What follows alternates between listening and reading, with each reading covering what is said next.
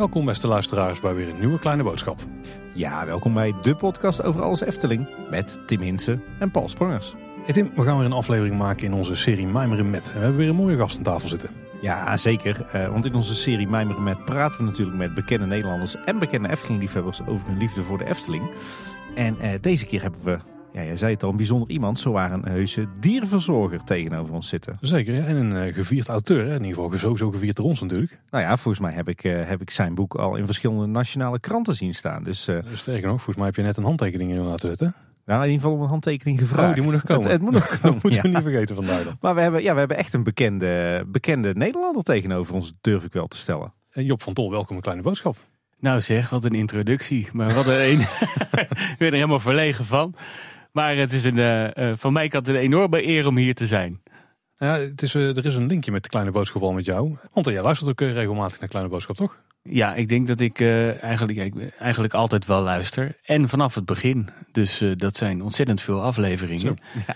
En ehm, soms bewaar ik hem altijd eventjes voor het perfecte moment. En dat, dat zijn vaak de wandelingen naar Artes toe, naar mijn werk heb ik van Muiderpoortstation naar Artes heb ik uh, precies zo'n zo'n wandelingetje waarin je niets te doen hebt. En dan komen jullie altijd op mijn oren.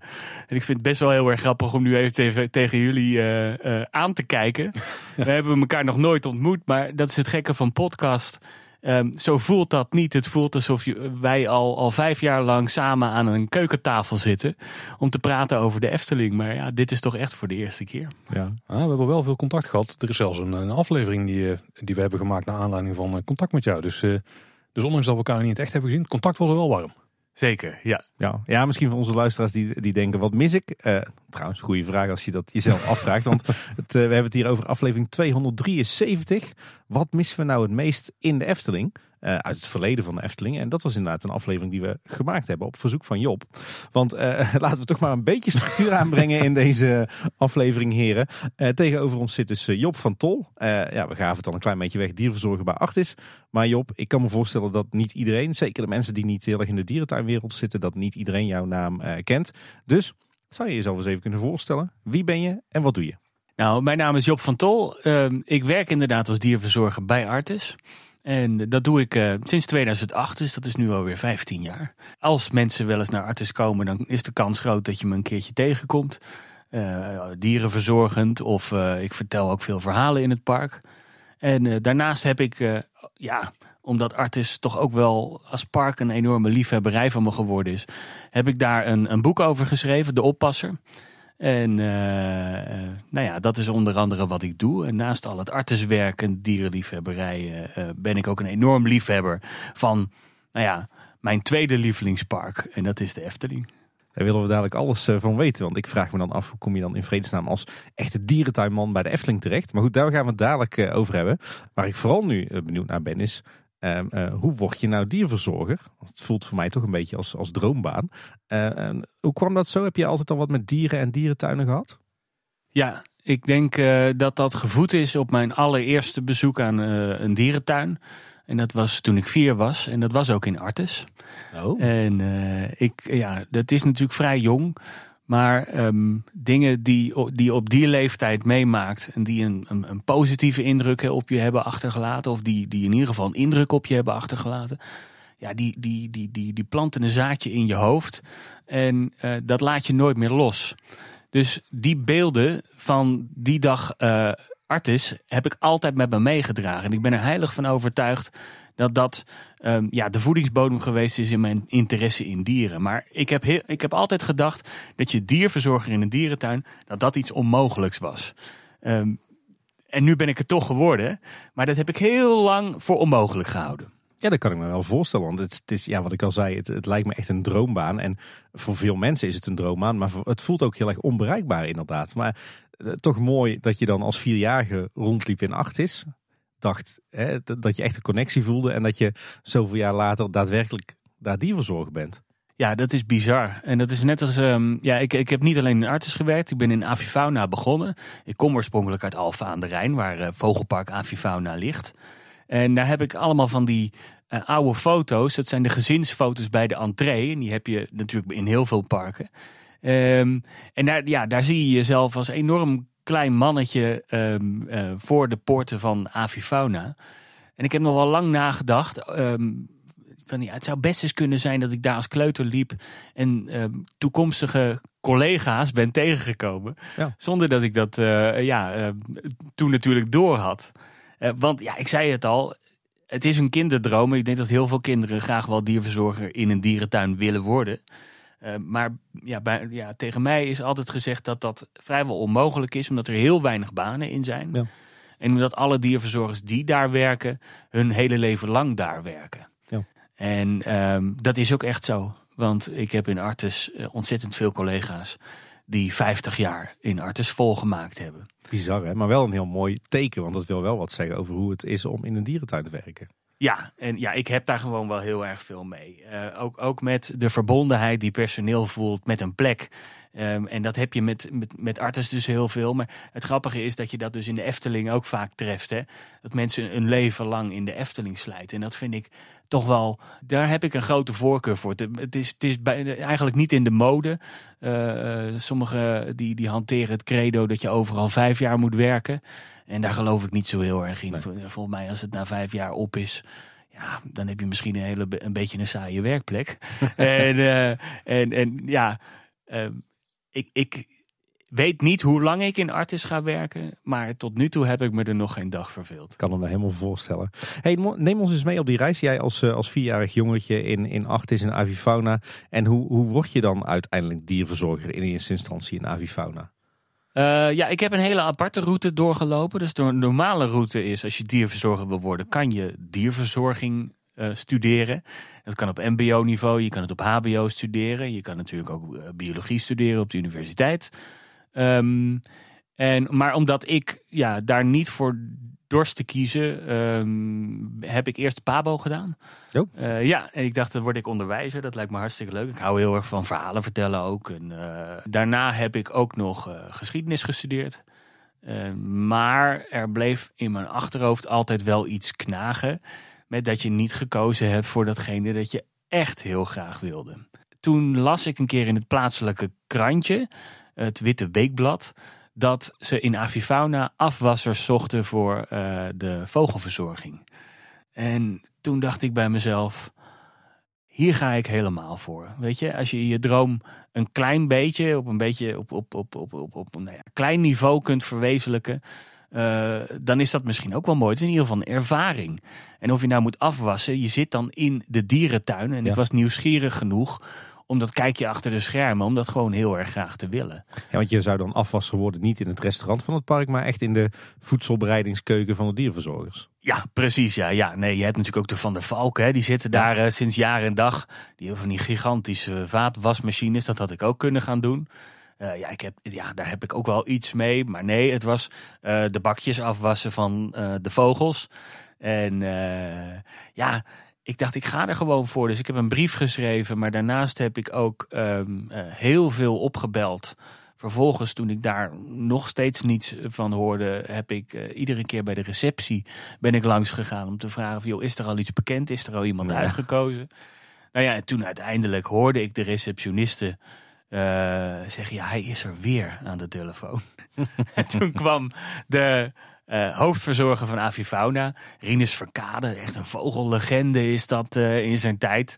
Ja, die kwam aan in zijn uniform en die zei: Zo ben jij degene die altijd belt?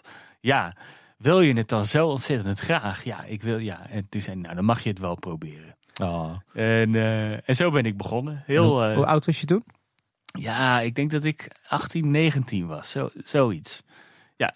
En uh, ja, alle weekenden en alle uh, vakanties was ik daar te vinden. En het was voor mij al heel snel duidelijk dat ik daar veel meer op mijn plek was dan bijvoorbeeld in lerarenkamers. Ja. Uh, want in de lerarenkamer ging het vaak over de, de, de aanbiedingen bij de HEMA en, en, en, en noem maar op. En bij Avifauna ging het alleen maar over vogels.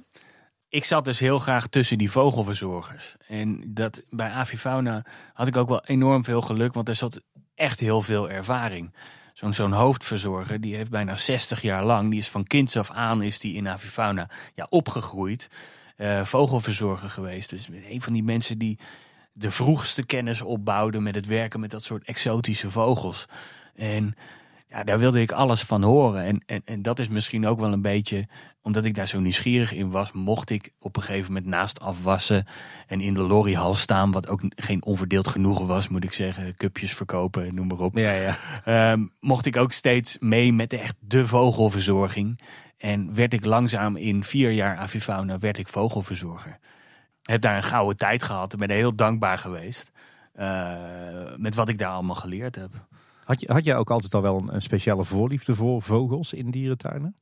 Ja, dat heb ik uh, denk ik altijd wel gehad. En het interessante is dat als je dierverzorger bent, dan denk je dat zijn allemaal dierenliefhebbers. Maar het verschil in interessegebieden, ik denk dat er grofweg twee categorieën dierverzorgers te onderscheiden zijn. Dat zijn de zoogdierenverzorgers, de grote zoogdierenverzorgers.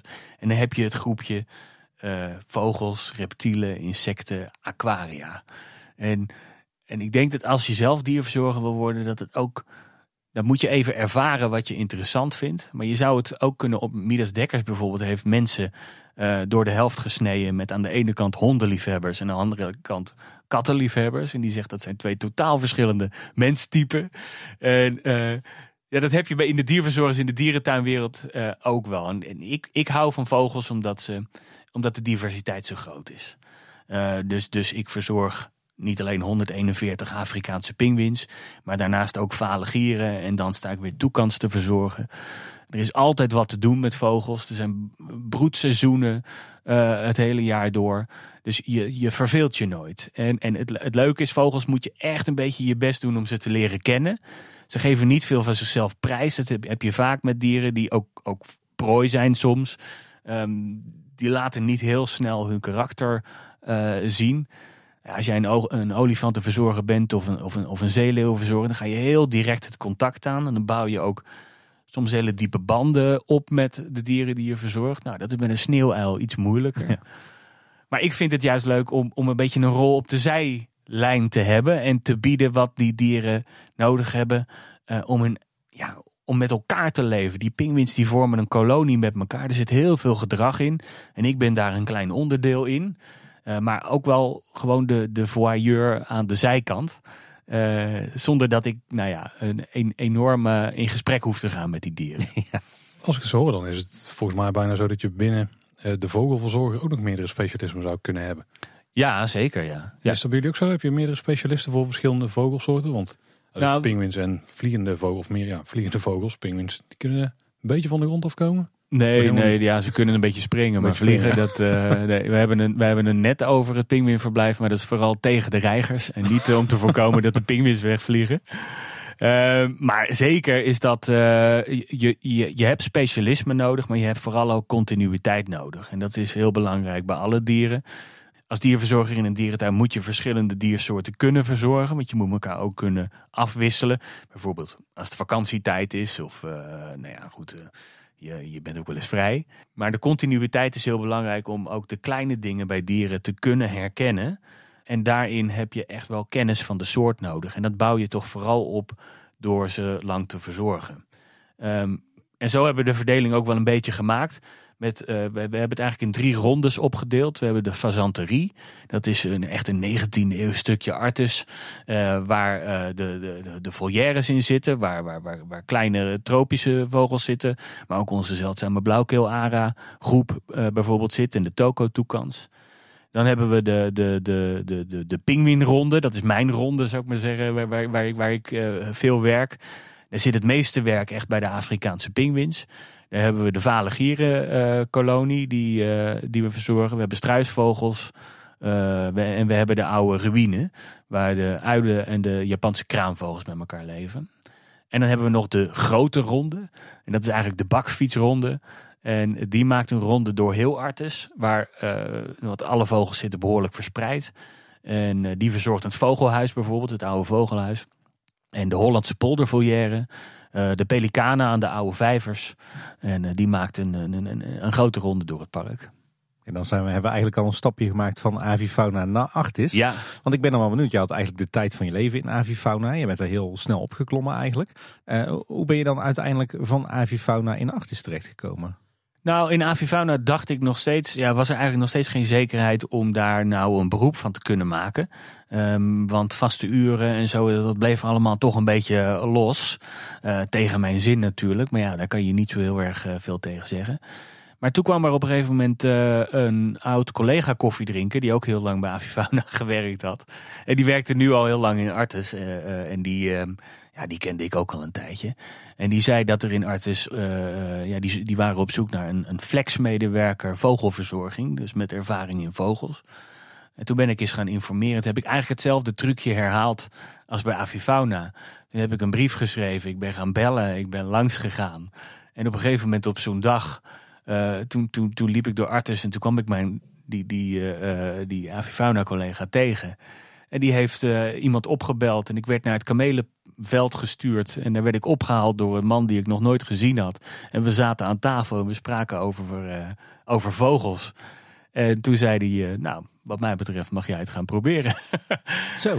En dat komt misschien ook omdat ik erbij gezegd had van, joh, luister... Um, ik heb heel veel vogelsoorten in Artes heb ik al verzorgd. Ik heb wel een andere route gelopen, dus de dierverzorgsopleiding bijvoorbeeld niet. Um, maar ja, ik heb wel al drie keer het broedseizoen van de helmcasuaris meegemaakt bijvoorbeeld. En uh, ja, dat is ook wat waard. Um, dus ik denk dat ik zo inzetbaar ben in Artis. En als het allemaal niet bevalt, dan stuur je me de plantage Kerklaan op. En dan geven we elkaar een hand en dan zijn we weer weg. En ik dacht dat dat ook zou gaan gebeuren. Dat ze me alleen voor het hoogseizoen nodig hadden. En dat ze me dan in de winter weer... Uh, en dan zou ik me wel weer, wel weer gaan nadenken over wat ik dan weer met mijn leven moest. Um, maar ja, ze hebben me nooit uh, weggestuurd. dus, uh, dat is gunstig. Ja, en, en, ja, dus, dus ja, op een gekke route toch dierverzorger geworden. En niet bij de minste dierentuin van Nederland. Nee, ja, ja Artis. Ja. En, en nu al 15 jaar dus. 15 jaar. Voor de mensen, ik kan me bijna niet voorstellen, maar voor de luisteraars die dus niet zo in de dierentuinen zitten, kan je eens iets meer vertellen over Artis? Wat is dat nou voor dierentuin? En vooral natuurlijk, wat is de geschiedenis daarvan? Nou ja, Artis heeft natuurlijk een enorm lange geschiedenis. Uh, Artis is altijd op 1 mei jarig. En uh, afgelopen mei zijn, uh, is, zijn we, wou ik zeggen, 185 jaar oud geworden. Zo. Kijk. Ja, en opgericht in 1838. En dat maakt sinds Bristol Zoo de stad uit uh, gegaan is, is Artis, heeft Artis de, de plek 5 ingenomen van oudste dierentuinen ter wereld. Dus daar zijn we Bristol Zoo heel erg dankbaar voor. en na, na onder andere denk ik Schönbrunn hè? Ja, Schönbrunn is het alleroudste. Ja. En ja, het, het mooie van Artis is, we vieren dat ook een, een, een maand lang. Ik ben zelf in Artis ook vooral uh, nou ja, gedeeltelijk ook bezig met veel publieks dingen. Dus verhalen vertellen, publieksevenementen. En we hebben zoiets dat heet Artis Verteld. En we hebben een maand lang hebben we dat als thema 185 jaar Artis gehad. En dat is heel erg makkelijk in Artis. Want als je zo'n oud park hebt, dan is iedere vierkante meter van het park eigenlijk... Ja, dat is eigenlijk een soort spekkoek of een soort archeologische opgraving. Waarin je uh, uh, bovenop elkaar gestapeld door de eeuw heen allerlei verhalen hebt uh, zitten. En dat is niet alleen de verhalen van het genootschap, maar dat heeft natuurlijk iedereen die artis wel eens, uh, wel eens bezoekt. Je kan er als kind uh, komen en je kan er als bejaarde eindigen. En dan is zo'n park er altijd geweest. Um, de stad Amsterdam was bij de oprichting nog veel en veel kleiner dan het nu was. Dus je moet je voorstellen, Artis ligt in de plantage. En dat is nog steeds een soort, ja, een soort eiland in de stad tegen het oude stadcentrum aan. Uh, maar in het begin van de 19e eeuw was daar op het, waar nu Artis ligt, was daar nog helemaal niets. Dus dat was allemaal onbebouwd. Dat gedeelte dat was helemaal opgedeeld in, um, in kavels eh, waar mensen gewoon iets mee konden doen. Dus iedereen mocht een kavel kopen en mocht daar iets beginnen. Je zou het kunnen zeggen als een beetje een uit de hand gelopen moestuintjescomplex. Waar uh, um, nou ja, van alles gebeurde.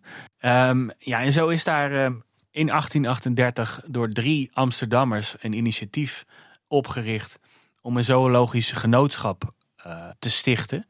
dat is eigenlijk een beetje in navolging uh, van uh, Londen bijvoorbeeld, waarin dat tien jaar eerder al gebeurd was. Het had een beetje de bedoeling om Amsterdam ook weer meer een stad van allure te maken. De stad van de 17e eeuw, die was in de 19e eeuw, de begin 19e eeuw, behoorlijk verloren gegaan. De grandeur in ieder geval. Amsterdam was een enorm verarmde stad geworden. En om de handel ja, onder andere weer aantrekkelijk te maken, moest Amsterdam ook weer een, ja, een, een, een aantrekkelijke stad worden. En, en, daar hoorde dus ook een, nou ja, een, een middenklasse bij of een gegoede burgerij. Um, die bij elkaar kwam, die zich verenigde. Uh, in, ja, in een verenigingsleven heb je ook een plek nodig om bij elkaar te komen. Eigenlijk een soort clubhuis. En Artes had dat voor ogen, omdat voor de ja, opkomende middenklasse, uh, de mensen die dus echt via die handel ook sociaal wat stappen maakten, maar niet, ja, nog niet werden toegelaten door andere sociëteiten, omdat daar toch echt wel edellieden in zaten of hè, mensen van het stadsbestuur, wilden ze een, ja, eigenlijk een eigen club oprichten en dat is Artes geworden. Is dat ook waar, wat is het ook alweer, Natura Artis Magistra vandaan komt? Ja, dat is de oprichtingstitel. Uh, Natura Artis Magistra, dat is Latijn. De natuur is de leermeesteres van de kunst en de wetenschap. En dat hadden ze ook voor ogen, om een wetenschappelijke natuurinstelling uh, op te richten waar natuur bestudeerd kon worden in al haar facetten. En wat ze hadden in het begin was een uh, collectie boeken. Een van de oprichters, uh, ook de allereerste directeur, was een boekhandelaar en een boekdrukker, meneer Westerman. Uh, en zij hadden iemand in uh, de arm genomen die al een grote um, collectie opgezette dieren had. En daarmee begonnen ze hun collectie samen met wat kleine levende dieren. Maar dat stelde echt nog helemaal niets voor.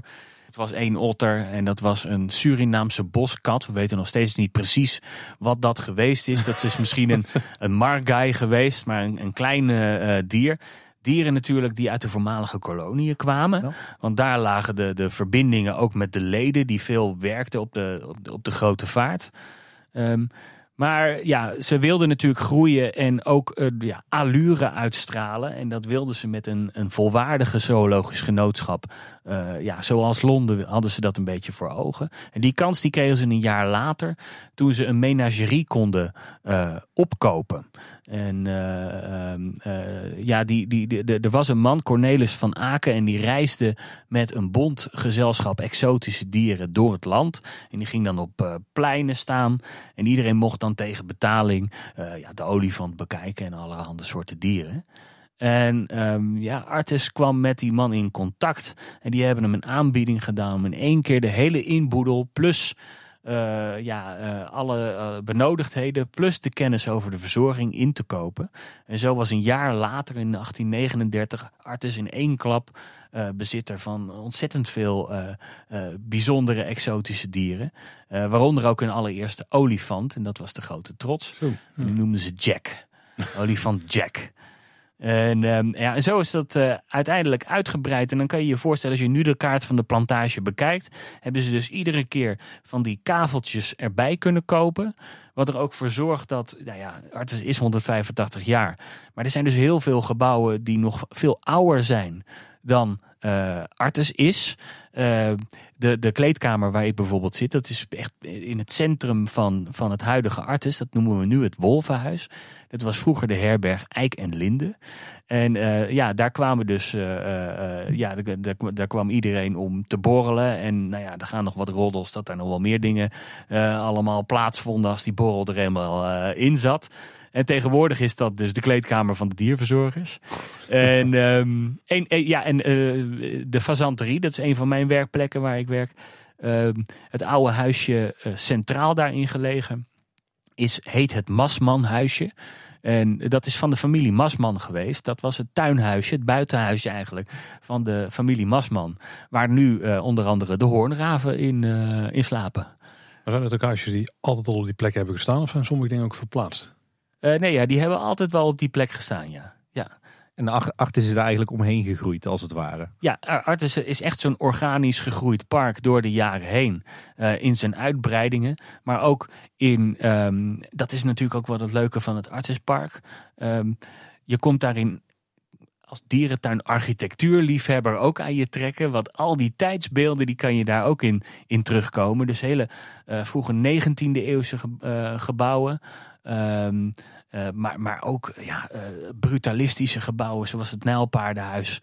En uh, dat, dat, dat, dat zie je allemaal in één en hetzelfde park. En dat maakt het ja, een laagje staart van tijdsbeelden. Ja, we zijn in Nederland natuurlijk, Nederland, België, maar zeker Nederland gezegend met ontzettend veel dierentuinen. Echt een bizarre dierentuindichtheid. Wat maakt Artis nou uniek? Nou ja, onder andere zijn, zijn leeftijd en eigenlijk denk ik ook de functie van stadspark. als je kijkt naar de, ja, het ontwerp van Artis, dan, dan, dan zie je bijvoorbeeld dat daar een, een, alweer een, een geschiedenis aan vooraf uh, ligt. Als je in Artis, Artis is echt zo'n typisch zo'n wandelpark, een flaneerpark, zoals ze dat in de 19e eeuw graag hadden. Als je wel eens in het Vondelpark geweest bent, is dat eigenlijk qua opzet, hè, dat is ook een, een wandel- en ruit rijtuigenpark was dat destijds. Ik heb heel lang op de Overtoom gewoond. En waar, nu, waar je nu allemaal parkeergarages hebt, daar waren vroeger werden de rijtuigen gestald van de, van de families. En alle paden in die parken zijn kronkelpaden. En dat is, is, ja, heeft eigenlijk een, een soort dubbellaagse functie. Uh, met dat je. Um, het, het, het, heeft een romantische insteek. Dus in dat soort flaneerparken is het de bedoeling dat je bij iedere bocht die je neemt, dat je eigenlijk een stukje van je, ja, van je gedachten achterlaat. Dus uh, je gewone leven laat je achter in zo'n park. En dat wandel je eruit op een flaneerpark, waar je dan gefetteerd wordt door al het moois wat je ziet, uh, wat de natuur te bieden heeft. Zou je het de kromme wegen kunnen noemen? Of? Ja, kromme wegen. Ja, ja, ja, nou ja het, is, het is eigenlijk een padenstructuur die, uh, die, die je ook in de Efteling bijvoorbeeld uh, tegen kan komen. Ja, ik heb al veel meer linkjes gevonden met de Efteling in jouw verhaal tot nu toe. Dus, uh... Ja, zeker. Ja, nou, de, nou, laten we het daar vooral over hebben. Daar gaan we straks komen ja, zo meteen. maar um, nee, en, en als ik verhalen ga vertellen, um, net als bijvoorbeeld afgelopen maand heb ik een verhaal verteld. Uh, op plekken waar je eigenlijk niet, niets aan ziet. Dus waar je misschien je hele leven lang al een keertje aan voorbij gelopen bent. Er is voor het Apenhuis, prachtig uh, ontworpen door, uh, door, door meneer Ouwendag. En daarvoor heb je een, een, een stukje gras van niets. En er staan twee grote bomen op. En dat is het, dat, het voormalige apenspeelveld. En daar kwamen dus vroeger, en dat, dat, ja, dat, dat kan je in, in, in de archieven van Artes kan je dat prachtig mooi opzoeken. Speelden daar de apen buiten. En daar kwam heel Amsterdam op af. En uh, dat is nu een plekje waar, we, uh, ja, waar je dus nog niks aan ziet. En, en ja, apen die spelen niet meer zomaar op grasvelden buiten, maar meer in hun eigen verblijven. Als het uh, goed is wel, ja. Ja, maar dat is dus. ik ben dus iemand die dus heel erg is van de historische sensatie. Dus om op een plek te gaan staan. of dat nou een kleine of een grote geschiedenis geweest is. Maar en om dan te bedenken, dit op deze plek, daar is dit en dit en dit gebeurd. En daar dan iets over vertellen en dan mensen daar ook enthousiast over maken. Ja, en dat kan je dus in Artes lekker op echt iedere vierkante meter kan je weer een ander verhaal vertellen. En mensen die uh, in tegenstelling tot, uh, tot denk de meeste mensen hier aan tafel niks hebben met architectuur en geschiedenis. Uh, zou, jij het Artis van nu kort kunnen beschrijven? Wat, wat zou mensen nu naar Artis kunnen trekken, los van die geschiedenis en die architectuur? Los van de geschiedenis en de architectuur. Ja, ik zou ook willen zeggen, als mensen bijvoorbeeld niet uh, per se met van dierentuinen houden. De, ja, die mensen die schijnen er ook wel te zijn. Ik, ik ken ze eigenlijk amper. Ja, er zit eentje naast me. Maar... Oeh. ik hou niet, niet van dierentuinen, maar misschien nog iets, net iets minder dan jij. Ja, okay. nou ja, het is geen wedstrijd. Maar um, nee, dan wil ik ook mensen uitnodigen om eens een keertje langs te komen. Sowieso als het lang geleden is uh, dat je er een keer geweest bent, is het heel erg de moeite waard om een keer langs te komen. Want er is, zeker in de jaren dat ik er werk, is er enorm veel gerenoveerd en vernieuwd en bijgebouwd. Is natuurlijk ook nodig. Uh, dierentuinen, uh, die, die, die, de, de visie rond dierentuinen, rond het houden van dieren, dat is aan verandering onderheven. Je krijgt er steeds meer kennis over en daar moet je ook een oud park als artis natuurlijk op aanpassen. Um, en, en dat maakt dat ook heel erg interessant. Op dit moment zijn we bezig, zijn we verticaal aan het gaan met het, uh, met het leeuwenverblijf. Uh, en we hopen dat dat van de zomer af is. En we zijn op dit moment ook bezig met ons grootste renovatieproject uit de geschiedenis van Artis. En dat is de renovatie van het aquariumgebouw uit 1881. En dat is een gigantisch project. Ik mag daar af en toe nog wel eens doorheen lopen. Dat is nu helemaal kaal uh, van binnen. En het wordt, uh, omdat dat ernstig was aangetast door uh, het zout, vooral in de zoutwaterbassins, heeft dat het gebouw helemaal aangetast. Is dat een enorme operatie. Maar, maar ja, dat, dat zijn dingen. er is altijd een ontwikkeling in arts. Het is geen jaar dat er niets gebeurt. Ehm, los van dierentuin is Artis ook een officiële botanische tuin en officieel een arboretum. Dus dat is een bomencollectie. En daarnaast hebben we Artis ook uitgebreid met twee musea. Het eerste, dat is Micropia. Dat is het allereerste uh, museum voor micro-organismen ter wereld. Dus uh, ja, het, het leven, eigenlijk is, is, is Artis een park van het leven geworden. Dus niet alleen dieren staan centraal, maar ook uh, ja, plant, de plantenwereld en ook het allerkleinste leven tot aan het allergrootste. Het allerkleinste vind je in Micropia. Het allergrootste leven vind je dan weer in ons planetarium. Uh, waarin je reizen door het heelal kunt maken. En vorig jaar, een beetje afhankelijk van wanneer je dit luistert, is het grote museum hebben we heropend dat is heel grappig, want dat is uh, eigenlijk een van de oudste gebouwen van Artis. Dat is het oudste museumgebouw van Nederland. Uh, maar niemand kende dat op een gegeven moment meer, want dat heeft 80 jaar leeg gestaan. En dat, is, dat, ligt, dat ligt nu aan het Artisplein, dat is vrij toegankelijk. Um, en op de bovenverdiepingen zit daar een origineel 19e eeuws prachtig museumgebouw. En dat is volledig gerenoveerd en daar staat nu de mens centraal. Omdat wij uh, een behoorlijke impact hebben op alle leven op aarde. Uh, staat eigenlijk daar de centraal in welke rol spelen wij in dat geheel. Um, en, en zo probeert Artis dus de natuur in al haar facetten een, een, een plek te geven. Even naar de microbia, want hoe, hoe ervaar je dan die micro-organismen? Jullie camera's op uh, microben geplaatst? Ja, ja, we hebben hele goede microscopen. En uh, daaraan vast zitten dan weer uh, schermen, zodat je die heel goed kunt bekijken. Maar we hebben ook interactieve schermen waarbij je hele microbioom via een bodyscan kunt vastleggen. We hebben een kissometer, waarbij je lekker met, nou ja, met, met wie je maar wil uh, kunt kussen om te kijken hoeveel microben je met elkaar uitwisselt. Oké, klinkt aantrekkelijk. Ja, ja, ja. ja. Eigenlijk is, is, is, is alle leven wordt door, uh, volgens mij is uh, de meeste zuurstof wordt geproduceerd door cyanobacteriën. Uh, daar hebben we eigenlijk al ons leven aan te danken. Ik weet niet zoveel van cyanobacteriën. Maar um, ja, dat is dus iemand, ja, een, een, een wereld die we nu nog echt kunnen ontdekken. Dat is grappig, hè? Uh, in het begin van uh, de oprichting van Artis kwamen we naar Artis om voor het allereerst een orang-oetan te bekijken, bijvoorbeeld. En de werelden te ontdekken waar je waarschijnlijk nog nooit geweest was. Maar nu gebeurt dat op dit moment nog steeds met werelden ja, die eigenlijk onzichtbaar lang geweest zijn. En die, die we dus nu zichtbaar proberen te maken. Ik, ik, probeer in ieder geval ieder jaar wel een keer naar Artis te gaan. Ik ben echt helemaal verliefd op die tuin. Uh, wel een tip als je naar Artis wil. De leukste ervaring is eigenlijk met de trein naar Amsterdam en dan met de tram naar Artis. Hè?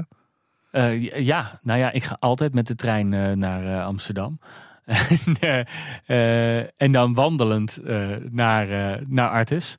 Uh, maar dan, dan kan ik kleine boodschap wel aanraden ja, onderweg. Ja, zeker.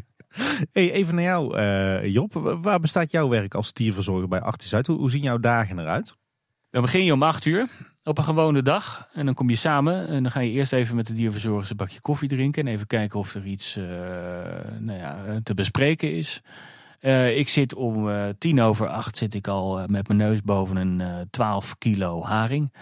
Uh, dat is even wennen als je dat niet gewend bent. Maar op een gegeven moment dan, uh, dan ruik je dat niet meer. Dan selecteer ik alle, alle vis uit voor, um, uh, voor de pinguïns. En ik zorg ervoor, nou ja, ik, ik heb ook een eigen bakfiets. Dus die vul ik met al het eten. Eten voor de ooievaar, eten voor de struisvogels. Het is zo'n mooie e-bakfiets. Dat is echt een super hip ding. Ik moet zeggen, het, is, het gaat als een zonnetje. Dus wat ik vaak doe is, uh, uh, omdat het dan nog voor openingstijd is, om nu eventjes een keertje één rondje heel hard door het park te gaan. Met, met al die vissen in de bak? Met alle vissen in de bak, ja, ja, ja. ja dat vergt wat stuurmanskunst. Maar ja, als, die, als ze omvallen, dan heb ik niet netjes gereden natuurlijk. Uh, um, en dan maak ik altijd even een ronde voor de dieren die ik die dag verzorg. Ik wil altijd het liefst zo vroeg mogelijk alle dieren even gezien hebben. Uh, zoals ik al zei, er kan altijd van alles gebeuren. En uh, daar moet je ook op kunnen inspringen. Um, en, uh, dus mijn eerste ja, begin van de dag is een ronde door, door Artes. En, en daarna qua voeren begin ik altijd bij de pinguïns. Dat is een heel dankbaar moment, want dan kom ik met mijn bakfiets de hoek omzetten. En dan staan al die pinguïns al gegroepeerd.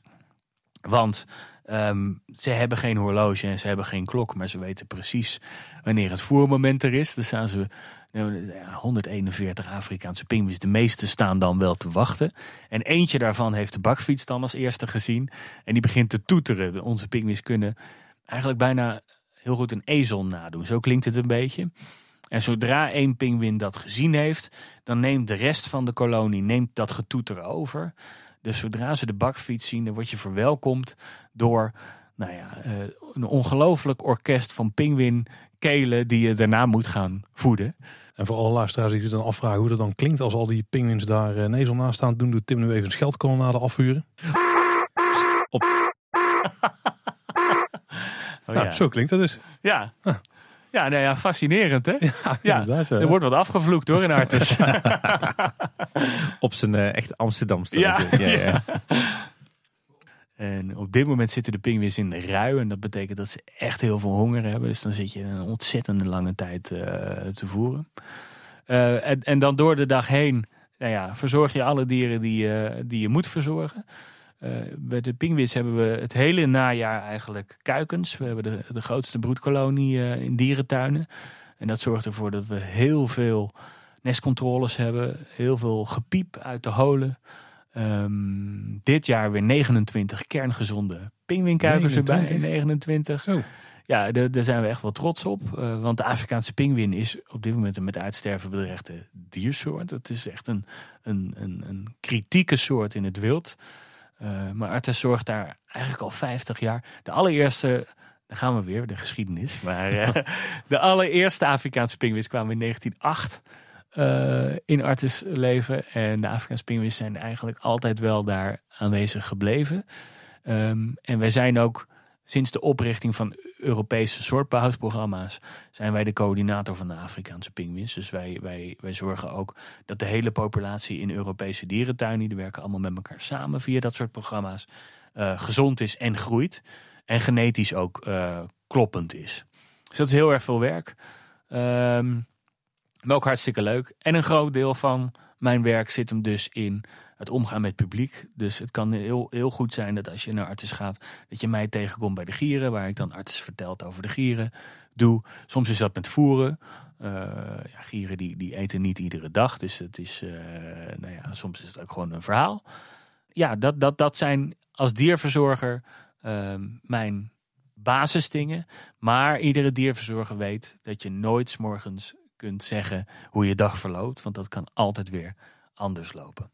Wat voor dingen kom je dan tegen die je van tevoren, ja, als je ze nu al kunt vertellen, dan weet je natuurlijk van tevoren, dus blijkbaar soms wel. Maar wat voor dingen kun je verwachten die onverwacht zijn? Ja, dat klinkt een beetje vreemd, maar...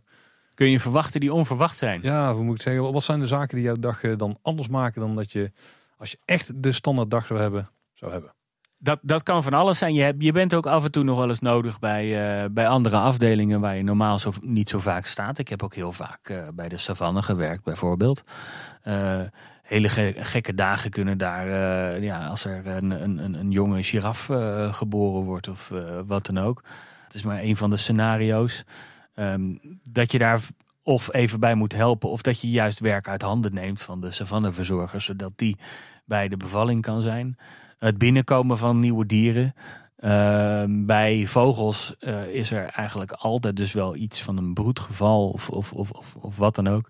Een broedgeval, dat klinkt als iets wat niet goed gaat, maar... Nou ja, nee, nee, zeker. Uh, de, de, ze zitten altijd in de nesten.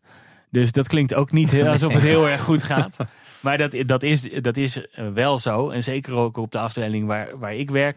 Nou ja, die pingwins, daar had ik het net natuurlijk ook al over. Maar ik verzorg bijvoorbeeld ook onze groep Vale Gieren. En dat is een ontzettend leuke groep. Want daar zitten een paar hele mooie koppels bij. En um, nu hebben we ook weer een prachtig Vale Gierenkuiken op het nest liggen. Wat fascinerend is om te volgen. Want zij beginnen uh, in januari al met uh, paren. Dat is een soort ja, goed voornemen. Het is vaak 1 januari. Eh, dat is echt, het klinkt, een, het klinkt een beetje uh, gek, maar in januari dan hoor je ineens de gieren paren. Uh, en dat doen ze dan heel lang en dan gaan ze nesten bouwen en uh, dan moeten ze 55 dagen afwisselend uh, zo'n ei uitbroeden.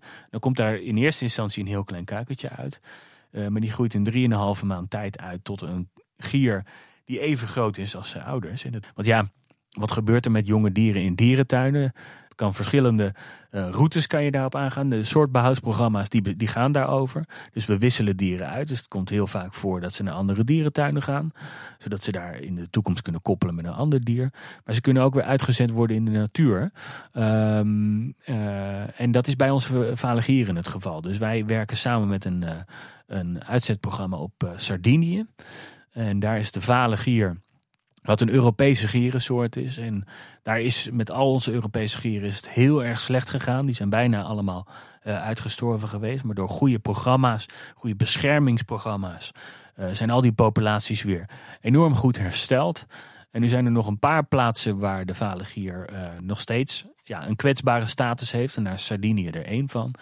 En daar hebben ze onder andere restocking programma's. Dus dat ze uh, gieren uit andere gebieden uh, uitzetten op Sardinië. Om daar in een korte tijd de hele populatie een boost te geven. En dierentuingieren kunnen daar ook aan meedoen.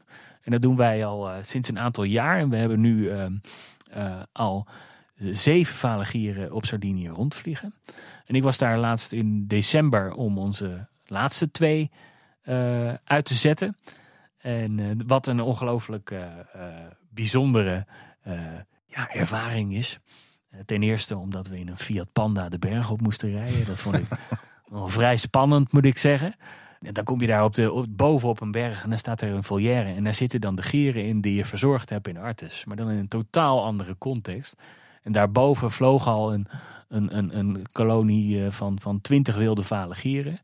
Um, die dus onze gieren ook meenemen op sleeptouw. En dat werkt dus heel erg goed. Ik was echt trots toen ik hoorde van iedereen aan het project dat ze zeiden van ja, het valt ons op dat de gieren uit Artes echt, echt opvallend goed de switch maken naar het leven in het wild.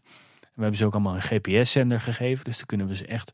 Er zitten van die zonnecollectoren op. Dan kan je, als de zon flink schijnt, kan je echt iedere minuut kan je ze volgen. Uh, en dan zie je dus dat die dieren het, het perfect oppakken. En uh, ja, dat maakt wel trots. En dat maakt je werk natuurlijk ook heel bijzonder. Zeker. Wat ik nou alleen nog niet helemaal duidelijk heb, is wat is nou een broedgeval? is dat dus dat, dat er gebroed wordt? Want misschien heel naïef, maar ik denk, uh, die, die dieren die paren en die hebben gewoon, die maken een nestje en die leggen een ei erin. En op een gegeven moment komt het uit, maar er zit ook nog werk voor jullie dan bij. Ja, wij noteren heel veel. En vogelverzorgers verzorgen niet vier vogels, maar die verzorgen uh, nou, een paar honderd vogels misschien wel. En uh, van alle uh, dieren probeer je in ieder geval te noteren in het uh, systeem. Dus we hebben zo'n basissysteem. Dat gebruiken alle dierentuinen internationaal. Dat is een soort registratiesysteem. Um, en daar noteer je in ieder geval de koppels. En wanneer het ei gelegd is. En, want als je de datum wanneer het ei gelegd of het eerste ei gelegd is, afhankelijk van hoeveel uh, eieren ze leggen, dan kan je ook uitrekenen wanneer de uitkomstdatum zou zijn van dat ei. En dan kan je er ook rekening mee houden rond die datum. Dat schrijven we dan op in de agenda.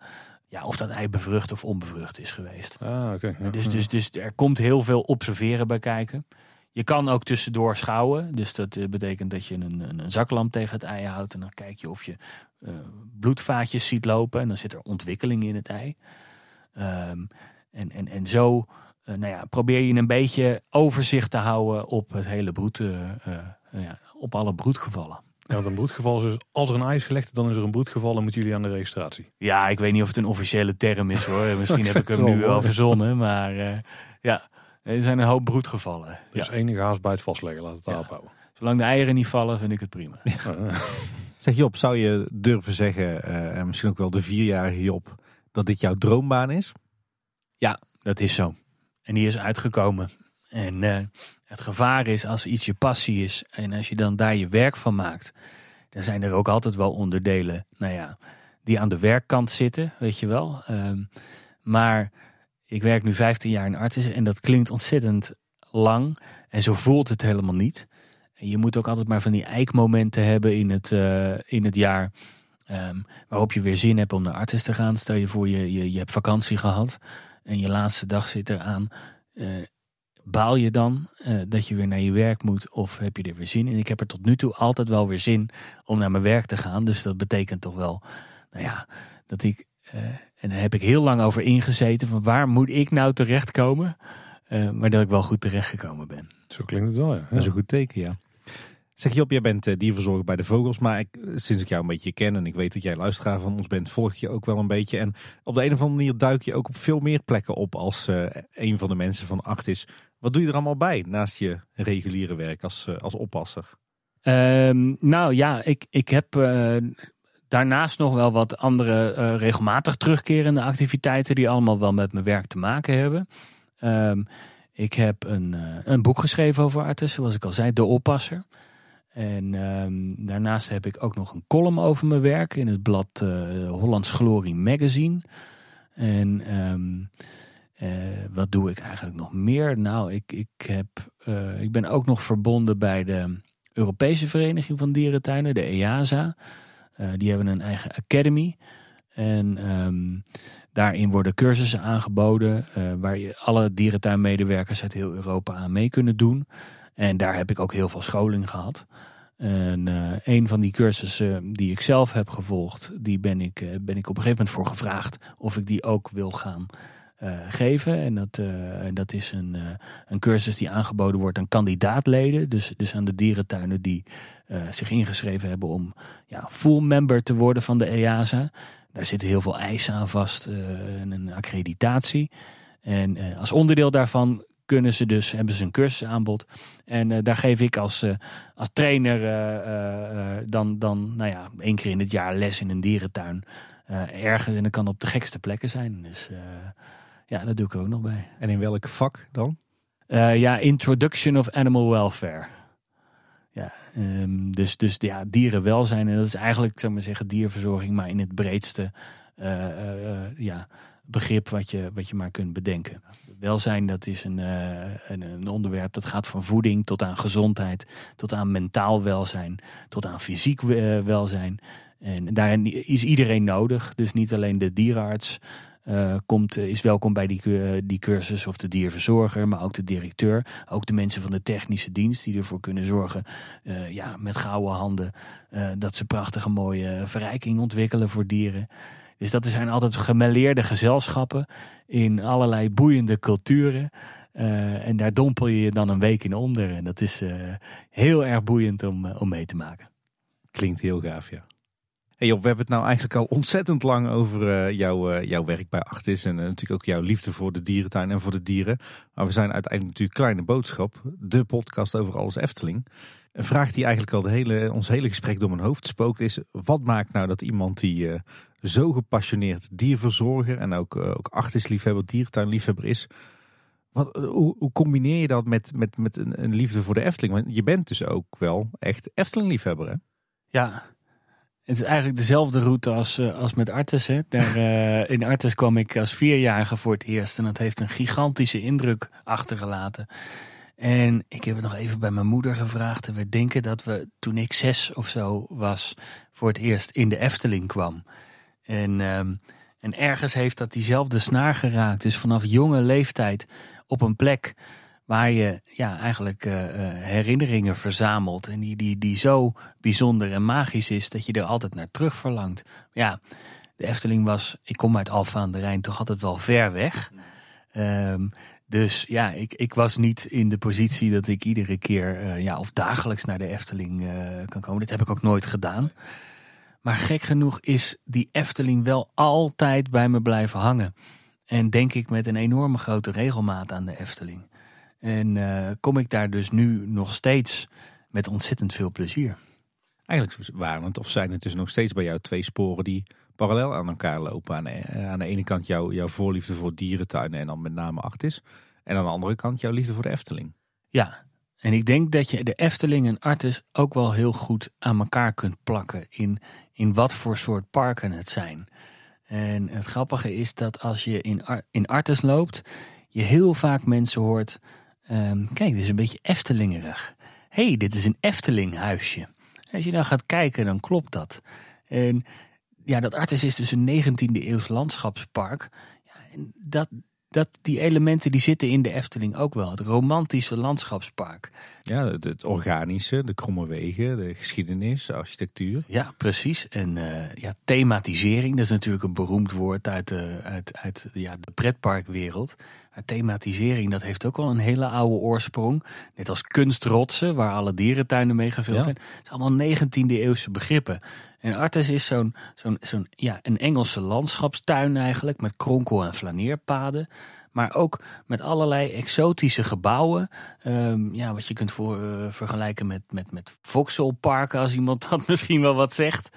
Uh, gekke gebouwtjes met thema dat niet per se functioneel is, maar wat juist iets toevoegt om van te kunnen genieten. Dat je daarmee een soort droompark maakt. En dat is het grappige, dat, dat kan je in Artes heel veel tegenkomen. In dezelfde stijlen die je in Artes tegenkomt. Dus we hebben bijvoorbeeld midden in Artes hebben we het Minangkabouwse huisje. En dat is een stal waar veel Aziatische dieren gehouden mm. worden. Op dit moment de, de kuifmakaken. En dat is een gebouwtje um, uh, in een stijl uh, die oorspronkelijk van Sumatra afkomt. Uh, en die je in de Efteling veelvuldig tegen kunt komen met puntdaken. Ja. huis van de vijf zintuigen natuurlijk. Huis van de vijf zintuigen. Lavelaar. Lavelaar. Uh, dat is hetzelfde thema als dat je in Artes kan tegenkomen. En dat vinden mensen dus heel vaak een Eftelinghuisje. Maar iets als chaletstijl, bijvoorbeeld Zwitserse chaletstijl, kom je heel veel in Artes tegen. En vind je ook in het, in het Artespark. Uh, romantische kasteelruïnes. Ja. ja, we hebben nu net het spookslot natuurlijk uh, ja, in, in dat thema. En, en ik zelf verzorg de sneeuwuilen in de monumentale ruïne uit 1921. Uh, ook zo'n stijlelement uit 19e eeuwse parken, uit romantische parken, uh, waar je de Efteling natuurlijk ook onder kan scharen. En ja, ik denk bij mezelf, dat, dat is denk ik voor mij een groot deel de aantrekkingskracht, omdat ik zelf ook wel een soort van een hang heb naar het Pickeriaanse, naar het ja. romantische. Uh, ik ben heel nostalgisch. En dat uh, had ik al wel door. Ja. ik, ik hang erg aan de historische sensatie en aan herinneringen en nostalgie. En, en dat is wat er precies gebeurt eh, in een Efteling, waar je je hele leven lang kan komen en met nostalgische gedachten aan herinneringen van vroeger kan denken. En dat gebeurt precies hetzelfde in Artes. Zou je kunnen zeggen dat Artis en Efteling, Efteling elkaars equivalenten zijn? Dus dat wat, wat Artis is voor de Nederlandse dierentuinen, is de Efteling voor de Nederlandse pret- en themaparken? Ah, ik vraag het me eigenlijk wel eens een keer af. En ik weet niet of jullie dat wel eens behandeld hebben, maar die hele visie. Uh, ja, eh, Artis is dus ja, omdat het zo oud is, komt dat ook, stamt dat ook uit een bepaalde traditie, ook uh, qua, qua architectuur. De Efteling is een stuk jonger dan dat. Ja. Maar heeft die hele romantische stijl, ja, die komt natuurlijk puur van Anton Pieck. En die is voortgezet door Ton van de Ven en door zijn uh, uh, opvolgers. Maar dat, dat, dat romantische beeld, maar ook die flaneerpaden. Uh, ook uh, het onderdeel natuur. Uh, zowel de Efteling als, als Artes zijn, zijn stads- en natuurparken. Hey, even naar jou, jouw liefde voor de Efteling, en Job. Want die is dus ook op, op jonge leeftijd ontstaan. zou je kunnen zeggen dat je naast dat je Artes-liefhebber en Efteling-liefhebber bent... dat je ook dierentuinliefhebber en pretparkliefhebber bent? Of gaat dat te ver? Ja, voor mij is het denk ik ehm, toch echt wel gewoon de Efteling. Ja. Waar ik in terugkom. Ik ben een terugkomer. En ik kan me enorm verheugen op uh, bezoekjes aan de Efteling. En ik durf het in, in, in de podcast niet echt te zeggen, maar ik ga eigenlijk bijna nooit naar andere pretparken. Er zijn, ik ben nog nooit naar uh, een Disneypark geweest, bijvoorbeeld. Ik moet zeggen dat dat ook. Ja, sinds ik naar podcasts luister, en ik luister ook andere pretparkpodcasts, ik ben makkelijk enthousiast te maken. Dus dan hoor je uh, nou ja, Disney-liefhebbers uh, enorm uitweiden over, over dat soort parken. Dan, dan wekt dat bij mij de nieuwsgierigheid. Maar ik moet er wel bij zeggen dat toen ik kind was op de basisschool, en er voor de zoveelste keer, uh, als de juf geen zin had om les te geven, de tv tevoorschijn kwam en er een videoband van de kleine Zeemermin uh, ingestopt werd. Dat alle kinderen dat leuk vonden, behalve ik. Ah, ja, ja. ja ik, ik, ik, ik heb daar gewoon veel minder mee. En uh, ik ben ook niet zo'n enorme deurval of wat dan ook. Um, vaak, ook mijn, bij mijn eerste bezoeken, mijn eerste herinneringen aan de artis zijn vooral wachten totdat de andere kinderen met wie we waren uit de spannende attracties kwamen. Want dat dorst ik allemaal nog niet. De Bob en zo dat, uh, en het spookslot. Volgens mij ben ik de eerste keer in het spookslot tot aan de gang gegaan. En toen ben ik rechtsomkeerd gegaan omdat ik dat gewoon nog niet aankon. Vond ik te spannend. er zijn nu ook in die fanwereld enorm veel initiatieven. Zelfs pretparkreizen en zo naar mhm. Alle plekken van de wereld. En dan maakt me dat ook wel nieuwsgierig. En ik denk dat ik ook wel een keertje naar Parijs uh, moet gaan. Ik wil de Pirates of the Caribbean een, een keertje bekijken. Al is het maar om te kijken hoe Fata Morgana die is. Ehm, dus nee, dat, dat zou ik zeker willen. Maar het is niet gezegd dat ik daar nou um, uh, heel enthousiast terugkom. Misschien dat het voor mij wel gewoon de Efteling is. Ja. Nou, dat mag zeker. Zeker in onze podcast mag dat gewoon, ja. Job. Ik, uh, ik herken dat uh, ook wel, wel voor het overgrote deel. Bij mij ligt de focus ook echt wel op de Efteling natuurlijk. Hey, maar wat, wat spreekt jou dan zo aan in de Efteling? Wat, wat andere pretparken en themaparken dus niet hebben? Nou ja, zoals ik dat al zei, dat is denk ik voor een, grootste, voor, voor een groot gedeelte is dat um, de romantische sfeer die erin ligt. het is een een goede park. Uh, het is een, een, een warme deken. En uh, je kan een pretpark hebben dat meer neigt richting de kermis. Uh, en dan heb ik het over de kermis die in de stad komt, of de Tilburgse kermis of wat dan ook. Nou, dat is een plek, daar zal je mij nooit vinden. Daar word ik helemaal gek. En er staan allemaal attracties waar ik misselijk in word en waar ik niet in wil. Met allemaal keiharde muziek en felle kleuren en noem maar op. En ja, de Efteling is daarin totaal anders. Dus het is qua park op zich al de moeite waard om er gewoon doorheen te lopen. Dan heb je dat flaneren weer. En dat is wat ik het, uh, het allerfijnst vind aan de Efteling. Uh, en met daarin het hoogtepunt ook wel ja, het Sprookjesbos. Dat uh, is qua flaneren is dat het summum. je begint door die poort met die heksen. En dan op een gegeven moment krijg je dat effect dat je door de kronkelpaden op een gegeven moment ook niet meer weet waar je bent. Ik wil ook niet precies weten waar ik loop. Uh, gewoon, ik wil echt, echt een beetje daarin kunnen verdwalen. En dan ben je een heel groot gedeelte van de tijd ben je aan het wandelen door zo'n sprookjesbos. Um, en, en dan ben je dus echt even ergens anders. Escapisme is natuurlijk een van die sleutelwoorden uh, in het pretpark gebeuren. Volgens mij komt dat ook uit de romantiek, het escapisme. Uh, het helemaal verdwijnen in een wereld. En, en, en, en dat is waar ik naar uitkijk. Dus ik, ik ben vanavond bij jullie, maar ik heb ook een kaartje gekocht. En morgen zit ik in de Efteling. En dan kijk ik dus nu met name ook al uit naar zo'n wandeling door het Sprookjesbos. Is het dan vooral de, de esthetiek eigenlijk die jou aanspreekt? De, de schoonheid van het park, van de, de, de gebouwen? Eh? Ja, de schoonheid en de herinneringen die er liggen. Dus het is ook uh, voor, voor een deel historie. En, en, en dat is er, erbij gevoed dat jullie onder andere ervoor zorgen dat die interesse, dat dat niet steeds hetzelfde is. Want jullie, en dat is mijn grote zegen, want ik ben een fan op afstand. Wat ervoor zorgt dat ik niet heel vaak in het park ben. Maar zo voelt dat niet, want jullie houden alles bij. En dat maakt mij altijd weer nieuwsgierig om alles zelf te kunnen bekijken.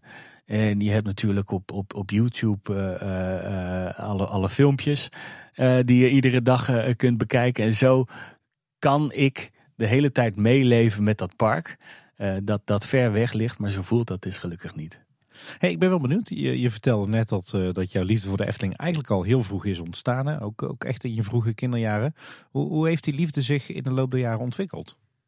Nou ja, um, toen ik dus uh, kind was en dat een keertje nou ja, toen, toen dat zaadje in mijn hoofd een beetje begon te groeien, toen merkten andere mensen ook dat ik Efteling toch wel heel erg interessant vond en daar wel heel erg vaak over sprak.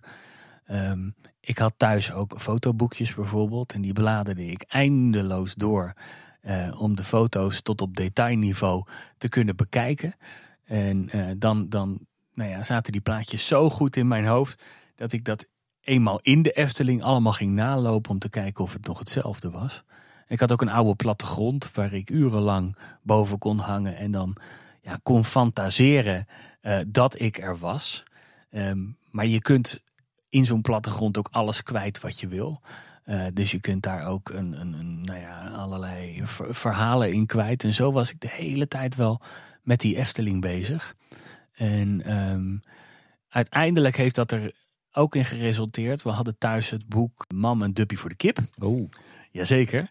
En dat heb ik natuurlijk helemaal uitgespeld, want dat geschiedenis, ja, dat, dat zat er ook al van jongs af aan zat dat erin. Dat boek heeft er weer voor gezorgd dat ik op de basisschool ook nog een spreekbeurt over de geschiedenis van de Efteling heb gehouden. Die heeft volgens mij meer dan een uur geduurd. Kunnen we elkaar de hand schudden, denk ik. Ja, is dat zo? Jij hebt jij ook een spreekbeurt gehouden? Nou ja, ik heb sowieso al vaker een spreekbeurt over de Efteling gehouden. Maar ik denk, als ik ooit een spreekbeurt over de geschiedenis van de Efteling had gehouden, dat die zeker ook langer dan een uur had geduurd. Ja, ja, ja. ja. Nee, ja, dat, is, uh, dat, dat, heb ik gedaan. En toen is, mocht, was het democratisch gestemd. En toen heb ik daar een 10 voor gekregen. Kijk aan, dat heb je goed voor elkaar. Ja, Nee, en, en ja, op een gegeven moment dan weten mensen ook dat je het leuk vindt om naar de Efteling te gaan. Dus uh, er is een jaar geweest dat ik vier keer in de Efteling ben geweest. En dat was voor mij een, uh, een enorm record. Nou ja, voor iemand uit de Randstad is dat natuurlijk Enorm veel, ja. Nee, het was voor ons eigenlijk altijd um, één keer per jaar vaak. En wij gingen dankzij mijn oma, want mijn oma spaarde OMO-punten. Uh, dat was een wasmiddel. En uh, dat, dat, ja, die, die hadden eigenlijk ieder jaar, zoals Albert Heijn nu heeft, een, een actie met de Efteling. Zij spaarden daar heel erg hard voor. En dan belden ze ons op. En, ik heb de punten weer hoor. En ja, dan gingen we met z'n allen. En dan bleef mijn oma, die bleef vaak thuis. Maar die zat dan thuis mee te genieten dat wij, dat wij gingen. En dat waren eigenlijk altijd vaste rituelen. wij gingen thuis eigenlijk bijna nooit op vakantie. Wij gingen een paar keer, maar meestal gingen we dagjes uit. En dus, dus wij hebben heel Nederland hebben we, hebben we bekeken. Uh, maar voor mij was het hoogtepunt dan als we naar de Efteling mochten.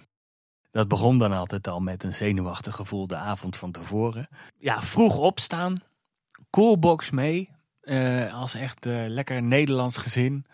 Een van de dingen die we stiekem allemaal het allergezelligst vonden was tussendoor dan stoppen bij een tankstation om een koffie te drinken. En wij dronken dan wel wat anders. En een gevulde koek te eten. En als het dan een beetje koud was. En dan stonden we bij dat station weg te, weg te tochten. En dan was de Efteling nog heel erg ver weg. En, en, en dan, dan kwam je weer een stapje verder in je verheugen. Als je het op het bord zag staan. Op, op de weg. En dan ergens in de verte zagen we het uh, Efteling Hotel liggen. En, en dan waren we er echt. En voor mij waren we daar pas echt. En, en daarom is, is, is dat, eh, ja, dat had ik net ook alweer een beetje toen ik er langs reed. Uh, is als die oude muurtjes uh, tevoorschijn komen, die van het Lavelaar. En die, die zitten natuurlijk aan de weg. En dat was voor mij dan het eerste inkijkje in de Efteling. En dan zat ik als, als, klein, als kleine Job, zat ik van, ja, en het is nu nog lekker nog ochtend en we hebben de hele dag. Ja, ja, ja, ja. Mooie herinneringen. Ja, zeker, ja. En die, die jaarlijkse bezoekjes die je als kind bracht, is dat ook zo voort blijven duren naarmate je, je ouder werd, tiener, twintiger? Uh, of zwakte dat wat af? Nee, dat is wel blijven bestaan. Ja, ik vind het altijd moeilijk om terug te gaan naar je puberteit. Dat is altijd zo'n tijd dat je, uh, weet ik niet, jezelf niet helemaal bent of wat dan ook. Ik kan daar niet helemaal meer herleiden hoe ik toen tegen de Efteling aankeek. Um, maar nooit als iets uh, stoms of wat dan ook. En we zijn ook wel blijven gaan. Uh, dat is toch een soort traditie geworden die we niet echt hebben laten gaan. En het, het leuke is ook wel dat we ehm, de manier waarop we naar de Efteling gingen, of de volgorde van de attracties, dat die ook vrijwel ongewijzigd gebleven is. Tegenwoordig ben ik uh, alweer jarenlang getrouwd. En ik weet wel dat mijn vrouw, mijn huidige vrouw, dat ze voor het eerst meeging met een bezoekje aan de Efteling met het gezin. En de eerste stop die wij die ochtend deden was de Fata Morgana, zoals we dat altijd deden. En, um, en toen was het nog hartstikke vroeg in het park. En wij zaten in de Fata Morgana te genieten, stil, niemand zegt wat. En dan zit je daar op die plek. Ik kan mij nog heel goed herinneren dat ik mijn hele jeugd lang um, bang ben geweest voor het vallende hek. Dat is nog steeds uh, nou ja, een van die plekken uh, nou ja, die iets bij me gedaan heeft. En toen kwamen we eruit. En toen was er nog geen rij. Dus toen zei de uh, medewerker van de Efteling: Joh, als jullie het leuk vinden, dan mogen jullie nog een rondje. En mijn vrouw die moest toen nog even wennen aan hoe wij de Efteling beleefden. Dus die stapte uit en die zei, nou nee hoor, dank je, dat is niet nodig. En wij zeiden allemaal tegelijk, wat? Dat is niet de bedoeling. Zitten. En daar zat ze. En toen dacht ze, oké, volgens mij moet ik iets qua Efteling cultuur toch nog een klein beetje meekrijgen was geen puntenscore voor jouw vrouw op dat moment. nou, ze is wel een snelle leerling hoor, wat dat betreft. Uh, ja, want even vast forward naar nu. Uh, hoe vaak ga je tegenwoordig naar de Efteling? Ook nog steeds die ene keer per jaar meestal? Nou ja, ik probeer dat een beetje zo vol te houden. Maar het komt ook wel eens voor dat het langer duurt.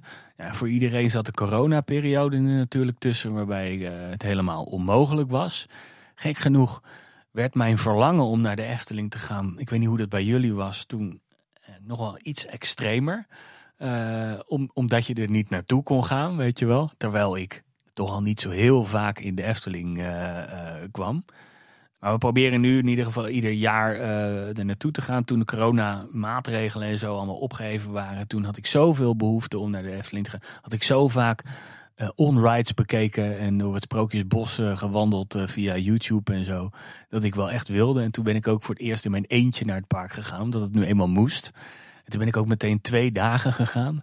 Kijk ja. Uh, ja, wat een hele andere ervaring is als je gewend bent om altijd met, met eigenlijk een beetje vast gezelschap of uh, nou ja, in de basis vast gezelschap naar zo'n park te gaan. Is in je eentje naar, zo'n, uh, naar de Efteling gaan ook wel weer heel anders. Heeft zijn voordelen en zijn nadelen, denk ik. Je, je hoeft je van niemand iets aan te trekken. je kan rustig kijken. Je kan een beetje zelf kiezen wat je interessant vindt. Maar het is ook wel weer een beetje apart. Maar um, ja, nu is, nu is het ook wel weer een tijdje geleden. Dus ik, ik, kijk heel erg uit naar morgen. Naar weer een keertje gaan. En morgen ga je weer alleen, hè? Ja, ga ik weer alleen, ja. Dus dan ga ik flanerend door het park. Over de kromme wegen. Zeker, met mijn armpjes op de rug. Maar, maar normaal gesproken, met wie bezoek je uh, tegenwoordig normaal gesproken de Efteling? Uh, nou, we proberen dat nog steeds met het, uh, met het oude gezin bijvoorbeeld. of met, met vrienden dat te doen. Maar lang niet iedereen heeft dezelfde interesse in, in de Efteling. Dat is natuurlijk. Um, ik heb in Artis nog één collega. Dat is heel fijn. Daar kan ik een beetje tegenaan praten. Uh, alles wat Efteling is. Maar er zijn ook zat mensen die, ja, die, die begrijpen dat helemaal niet. En die, die snappen ook niet waarom je daar uh, zo regelmatig nou ja, mee bezig bent of zoiets mee hebt. Uh, dus dat clubje is, is voor mij niet heel erg groot. En waar zit hem dat dan in? Want het horen we vaker van, uh, zeker hoe, hoe noordwestelijker je gaat in Nederland, hoe vaker dat je de reactie krijgt van Efteling, dat is toch plat vermaken. Want wat, wat moet je nou met zo'n zo'n stomme kermis? Kan, kan jij verklaren als, als wel echt diehard Efteling liefhebber waarom dat hem nou in zit? Dat, dat zeker in de Randstad, dat de Efteling toch een klein beetje af en toe die, dat zweem heeft van nou, dat is maar plat vermaak.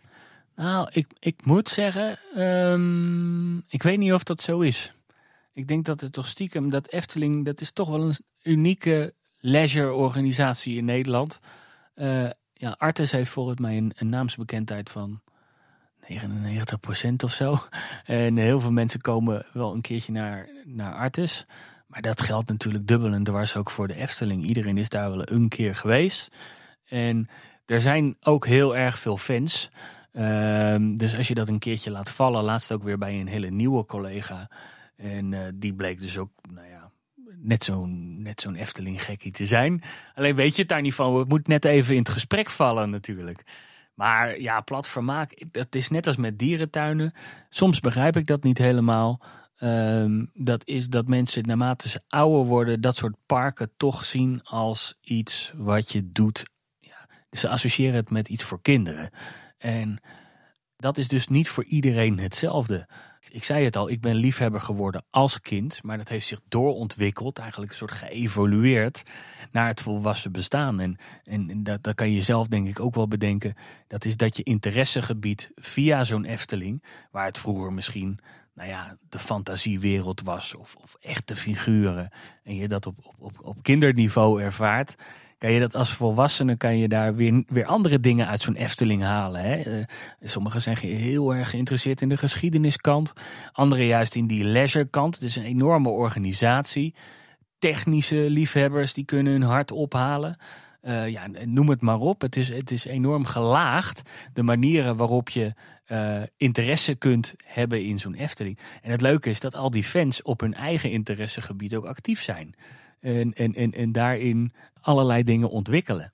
ja, zo, ja, voor de mensen die zeggen van ja, het is alleen maar iets voor kinderen. Of wat moet je daar nou mee? Dan denk ik altijd bij mezelf, ja, dan ben je het kind ook wel een beetje kwijtgeraakt in jezelf.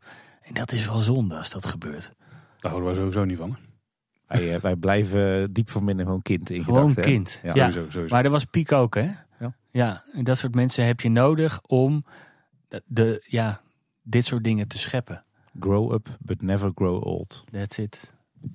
Met de overeenkomst die je schetst tussen Artes en tussen de Efteling, zou je misschien denken dat er toch wel wat eh, sneller, wat verwantschap wordt gevoeld vanuit de Artesorganisatie met de Efteling. Of mensen die bij jullie werken, maar dat valt dan dus wel mee. Eh, nou ja, nou, ik, ik, ik ben daar een voorbeeld in. En sommige van mijn collega's. Eh, De, we zijn allemaal lid van de Club van Elf. Dus sowieso is de, directie van Artis op regelmatige basis... ja, onder andere met de Efteling actief. En ehm, nee, ja, ik kijk dus ook graag omdat ik nou ja, de leisurewereld ook interessant vind. Kijk, ik, kom ik, breng ik graag bezoeken aan eh, iets als de Efteling, maar ook aan musea. Om te kijken ja, hoe zich dat ontvouwt, wat de doelgroep is, hoe ze het ervaren. Eh, en, en ja, het is ook gewoon lekker mensen kijken in zo'n park. En, en hoe werkt dat nou allemaal? En, en dat is in de Efteling ook ontzettend interessant, omdat het operationeel zo, eh, zo groots is. Hè? In Artis komen 1,4 miljoen bezoekers eh, op jaarbasis. En eh, in de Efteling beginnen ze al te piepen als ze maar 5 miljoen bezoekers de poort door mogen laten gaan. Een gigantische hoeveelheid is. Maar 1,4 miljoen voor een dierentuin is ook vrij fors, toch? Ja, is groot. Ja, is veel. En, en dat is fijn. Dat zijn de cijfers van de laatste jaren. En dus het gaat hartstikke goed met Artis. En dat is in, in, in jaren ook, ook veel minder geweest. Het zijn altijd golfbewegingen. Logisch als je zo oud bent natuurlijk. Eh, maar de, de afgelopen jaren, zeker ook met de nieuwe aanwinsten van de musea bijvoorbeeld, waarbij het, het aanbod echt gevarieerder is. En je bijvoorbeeld ook in je najaar andere opties hebt. eh, ja, hebben we fijne, volle parken. Of je nou alleen gaat of niet, eh, Job, heb jij een, een typische dag Efteling? Of wat misschien is jouw perfecte dag Efteling? Misschien moeten we het zo stellen. hey, daar hebben jullie het laatst over gehad. Jullie perfecte dag Efteling. Ja, zeker. ja. Ja. Ja, gek genoeg, omdat ik zo van eh, de herhaling ben, eh, ben ik geneigd om nog wel eens dezelfde route te lopen. En die begint dus bij de. eh, het begint sowieso met je bent er voor openingstijd. Ik kan me niet voorstellen, mijn overbuurman, die was een tijd geleden. En toen was het de- al twaalf uur geweest. En toen nam hij de kinderen mee. Ik zeg, waar ga je naartoe? Ja, we gaan naar de Efteling. Ja, daar begrijp ik dus echt helemaal niks van. Weet je wel, ja, als je om de hoek woont en je, je kan zo binnenwandelen, dan snap ik dat wel. Maar ja, wij hebben nooit anders gedaan dan je bent s'morgens vroeg voor dag en dauw. Je staat voor die poort. Ik vind dat ook heerlijk, dat je ook even moet wachten en dat die poort open gaat. En je blijft tot het eind. En, ehm, en zo werk je een beetje, eh, werk, werk, werk ik het, het park op, op eigenlijk altijd dezelfde manier af. En wat ook wel maakt dat, ehm, dat ik ook wel hang aan, aan sommige dingen die, die je altijd gedaan hebt. En dat ik andere dingen nog nooit gedaan heb. Ik ben nog nooit naar Ravelijn geweest bijvoorbeeld. Ik weet niet of dat... eh, nou, daar kunnen jullie wel mijn leven volgens mij. Of, eh, Een vlammende show hoor. Maar ja, ja, oh jee. kunnen we je vergeven. En, en, en ik eh, heb daarin ehm, ja, mijn vaste favorieten wel. En dat zijn toch een beetje de favorieten die, die er altijd geweest zijn. Sommige dingen die, die komen er ook bij. Maar net als zoiets als Baron 1898. Dat was voor mij wel eventjes lastig. Want ik, ik zei het al eerder. Ik ben niet echt een deurval op attractiegebied of wat dan ook. Eh, ik vind Joris en de Draak, dat vind ik heerlijk. Dat, dat vind ik een fantastische achtbaan waar ik echt in kan genieten. Die ik ook, nou ja, eh, gewoon aan kan.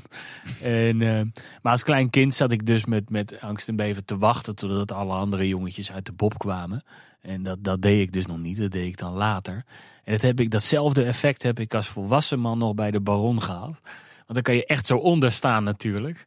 Dat is vrij indrukwekkend met dat belletje dat dan gaat. En, eh, en dat, dat is. eh, ik heb hem toch een paar keer overgeslagen voordat ik hem gedaan heb. Maar ja, als Paul van Gorkum in een attractie zit, dan moet ik er uiteindelijk wel in. Hij had kompels bovengronds kunnen doen. Dan hoef je de rit zelf niet te doen. Nee, dat klopt, hè? Ja, ja dat klopt. Nee, dat, dat vind ik ook wel hartstikke goed dat ze dat. Weet je, dat zijn allemaal van die details wat het echt goed maakt voor de mensen die dat kunnen ervaren zonder dat ze dan de rit willen doen. Eh, maar ja, ik dacht bij mezelf, kom op zeg, eh, duik erin. Dus eh, nee, ik ben die grens gepa- gepasseerd. En, en hoe was dat ritje in de Baron Nou, ten eerste heb ik genoten van Paul van Gooy, want ik durf het bijna niet te zeggen, maar dat kan ik bij jullie wel. Volgens mij zijn pretparkliefhebbers ook bijna altijd wel Bassie en Adriaan liefhebbers. Absoluut, zeker. zeker ja. en uh, dat is volgens mij logisch te verklaren, omdat onze generatie, dan klinken we echt als oude mannen. Maar toen wij een beetje nou ja, studentenleeftijd, toen zond een of andere tv-zender, die zond Bassie en Adriaan s'nachts uit. En dat hebben wij nou, eindeloos hebben we die afleveringen zitten kijken en ook zitten uitspellen. En alle montagefouten eruit halen en waar je een microfoontje in beeld zat. En dat ging dan weer in fora. Eigenlijk weer een beetje hetzelfde als waar, je overal weer... Dat werd ook een community, die Bassie en Adriaan kijk community. En op een gegeven moment, uh, een vriend van mij destijds, die was nogal handig met websites. En uh, toen zijn wij op locaties, Bassie en Adriaan, uh, ja, locaties gaan bezoeken met z'n drieën. En hij heeft hij een website van gebouwd en dat heette de Bassie en Adriaan Tour. En, en dat is op een gegeven moment... En nou ja, dan stonden we daar een foto te maken van het huis van de baron. En uh, nou, noem maar op, uh, van die gekke, op detailistisch niveau heel hoog. Nou ja, nerdgehalte. En uh, tot onze verbazing wekte dat de interesse van ontzettend veel jongetjes, net als wij, door het hele land. Die vroegen, wanneer ga je nog zo'n Bassie en Adriaan Tour doen? Dus dat hebben we toen nog één keer georganiseerd. En toen zijn er allemaal, zelfs jongen, een, een jongen met zijn vader uit Enschede. En uh, die kwamen allemaal, uh, uh, gingen we die Bassie en Adriaan Tour doen. Nou ja, goed, dus, dus dat, dat, dat zit, heb ik ook nog op mijn kerfstok zitten. Ik zie daar ook wel weer het linkje met geschiedenis op de plek waar het gebeurt. Historische sensatie, ja, precies, ja. ja. Ja, dat is zo. Volgens mij moeten wij jou nooit met Bjorn Bouwers in contact brengen. maar dat is dus de aanleiding dat je erin moest in Bron 1898? Ja, ja en, en dat je zo'n grote... Ik, ik vind het qua ontwerp een ontzettend mooie, uh, mooie attractie. Het is, dat is toch echt weer waar de Efteling een beetje die, die, die volgende stap zet. Dat ze dus echt een gebouw neerzetten. In plaats van ja, een opgeplakte loods of een... Uh, hè, Tim zit heftig ja te schudden. Ja, ja zeker. ja. Nee, en, en, en um, het, het, het thema uh, is, is per, uh, ja, werkt natuurlijk perfect uit. Maar dat zorgt er ook voor dat je nieuwsgierig bent naar, naar de hele beleving daarin. Dus al die verschillende ruimtes uh, die je door moet. Die ook wel echt een onderdeel zijn in de opbouw van de spanning. maar je ook wel meedoen nemen in, zo'n, in, in het hele verhaal. maar ik vond, het, ik vond het wel echt verschrikkelijk. Vooral de aanloop. Ze, ze, maken het je niet heel erg makkelijk. Want dan moet je dus eerst moet je nog naar zo'n projectie kijken. En dan moet je die enorme toren op. En dan hang je daar. Nou ja, iedereen heeft het meegemaakt natuurlijk. Sommige mensen zullen daar meteen van genieten. Dat is ook wel interessant. Zijn mensen die hebben geen angst voor dat soort uh, dingen. Nou, daar hoor ik niet bij. Ik moet daar echt wel in iets, uh, iets in uh, passeren. Maar ja, het is het, het daarna ook wel weer genieten. En was het heftiger dan Joris en de Draak? Um, ja, dat is een hele andere manier. Het is een hele andere beleving. Ik denk dat Joris en de Draak misschien wel heftiger is. Alleen de manier waarop, je het, waarop het voelt of wat dan ook, ja, is toegankelijker. Ik weet niet precies wat het is. Nou, we, horen dat vaker. Voor mijn gevoel is Joris en de Draak de meest uh, intensieve achtbaan van de hele Efteling. Alleen uh, hij heeft geen inversies, hij gaat niet over de kop. En daardoor denken mensen dat hij heel toegankelijk is. Maar in feite is volgens mij Joris en de Draak de meest heftige baan. Een hele heftige rit, ja. Ja, ja. daar ben ik nou ook van mening. Daarom vroeg ik het ook, ja. En ik kijk er ook echt weer naar uit. Dat was toen ook, toen het er niet in kon, die, die corona-periode, laten we het er niet heel veel meer over hebben. Maar toen waren er wel twee dingen waar ik echt heimelijk naar verlangde. was een uh, ritje in Joris en de Draak en een wandeling door het Sprookjesbos. Daarover gesproken, Job. Je vertelde net van, ik heb eigenlijk uh, al mijn hele leven lang uh, zo'n typisch rondje door de Efteling. Of zo'n zo'n afvinklijstjes van de, de, de attracties die ik zeker moet doen. Of de plekken die ik zeker moet bezoeken. Hoe ziet dat lijstje er voor jou uit? Wat, wat is nou jouw, jouw klassieke Efteling volgorde dan? Die begint eigenlijk altijd bij de Fata Morgana. Want die doen we een paar keer. En ja, dat is toch ook wel een van mijn lievelingsattracties. Normaal gesproken deden we dan daarna de Bob. Uh, voor wie wilde. En mijn moeder paste dan altijd op de tassen. en die wachtte even tot wat, uh, totdat we klaar waren. En daarna gingen we toch wel vaak um, ook als, als, als, als kind zijnde gingen we toch wel het romantische Eftelingpark in. En dan gingen we uh, ja, ja, via het spookslot richting Stoomcarousel. En dan richting Anton Pieckplein om de droomvlucht te doen in de Villa Volta.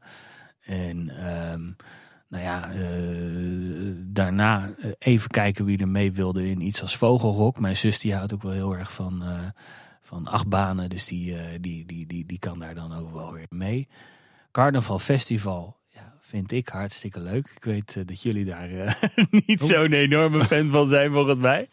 Ah, mm, niet Eftelings genoeg wat mij betreft. Maar niet per se niet fan. Maar... Het, is, het is cult hè Paul? Ja. ja. ja. Ja. is het, ja, dat is het Eftelingse. Ja, weet je, we kunnen alles uitkouwen en psychologiseren. Nou, dat doen we daar nog wel even, denk ik. Ja, ja, ja, ja. ja, Nee, ja, ik, uh, maar het is, het is wel een ongelooflijk populair uh, iets en een enorme toegevoegde waarde uh, voor zo'n park.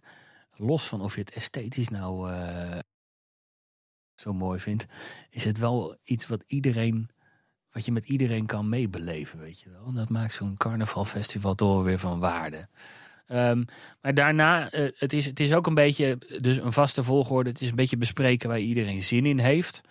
Um, maar wij bewaren het Spookjesbos altijd aan het einde. Uh, omdat dat zo'n nou ja, lange wandeling is. Uh, waar het eigenlijk een beetje om, om, om gaat, zorgen we ervoor dat we aan het, nou ja, dat serene moment, het wandelen door het Sprookjesbos, uh, dat we eerst eigenlijk alle grote dingen gedaan hebben voordat we daaraan beginnen. En um, dan, dan, nou ja, als er dan nog tijd over is, kan me herinneren dat ik nog wel eens een toptijd heb gehad. Dat er niemand meer in het park was. En dat we achter elkaar de vogelrok in konden. Nou, dat had ik nog nooit meegemaakt. Toen kon mijn maag dat ook nog hebben. De laatste keer dat ik in vogelrok was, toen ben ik daar ongelooflijk misselijk in geworden. Misschien omdat je ouder wordt of dat ze daar nu rook in geblazen hebben. Maar, uh... Volgens mij heeft het, ik heb het laatst proberen te ontdekken. Volgens mij heeft het ook wel te maken met de positie in de trein. Ja? Maar is het voorin dus makkelijker vol te houden dan uh, in het midden. Ik denk dat het vooral aan, uh, aan leeftijd ligt ook hoor. Ja, nou, ik, ik kan soms ook trekken jullie het nog, die, uh, de vogelrok? Uh, wel minder dan vroeger. Ja, ik ook minder dan vroeger. Maar ik heb zo dus halverwege, dan, dan, dan wordt het bij mij een beetje uh, heftig. het is altijd als hij dan, hij draait continu linksom, maar dan in één keer draait hij rechtsom en dan ben ik even Precies, duizelig. Ja, dat dan punt. gaan we verder en dan gaat het wel prima. Maar als je er voorin zit, is het volgens mij minder. Nico heeft daar goed uitgezocht ooit. Ik denk dat we daar maar eens de proef op de som moeten nemen binnenkort dan. ja. Zit er nog een uh, bijzondere aantrekkingskracht aan Vogelrok, gezien de vogel? ja, ik vind die vogel bijzonder indrukwekkend. Uh, ik vraag me wel een beetje af met dat plein.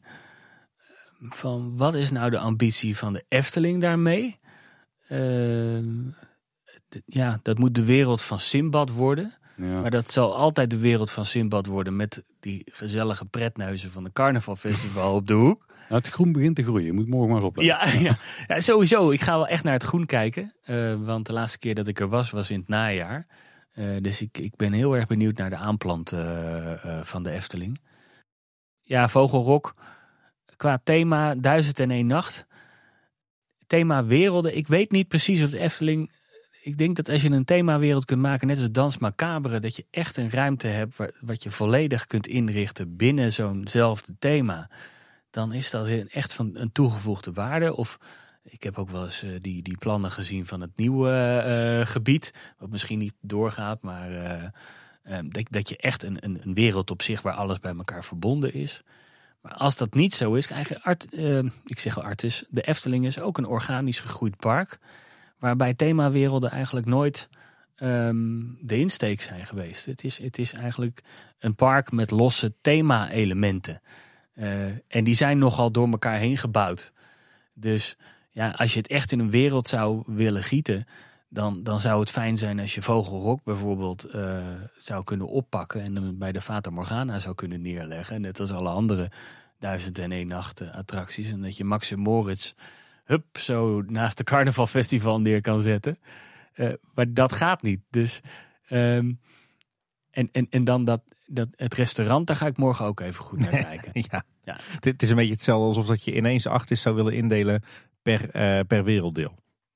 Ja, en, en uh, dierentuinen worden heel vaak in werelddelen opgedeeld. Uh, kijk maar naar Blijdorp bijvoorbeeld. Hè, dan, uh, en daar zitten alle soorten bij elkaar in een werelddeel. Ik was laatst in Whipsnade Zoo in, in, Engeland. En daarin stond er op een gegeven moment een, een bord. Het was heel koud en het was, ik weet niet of je daar wel eens geweest bent. Dat is heel landelijk Engels, platteland. Um, en toen stond er ineens een bord welkom in Afrika.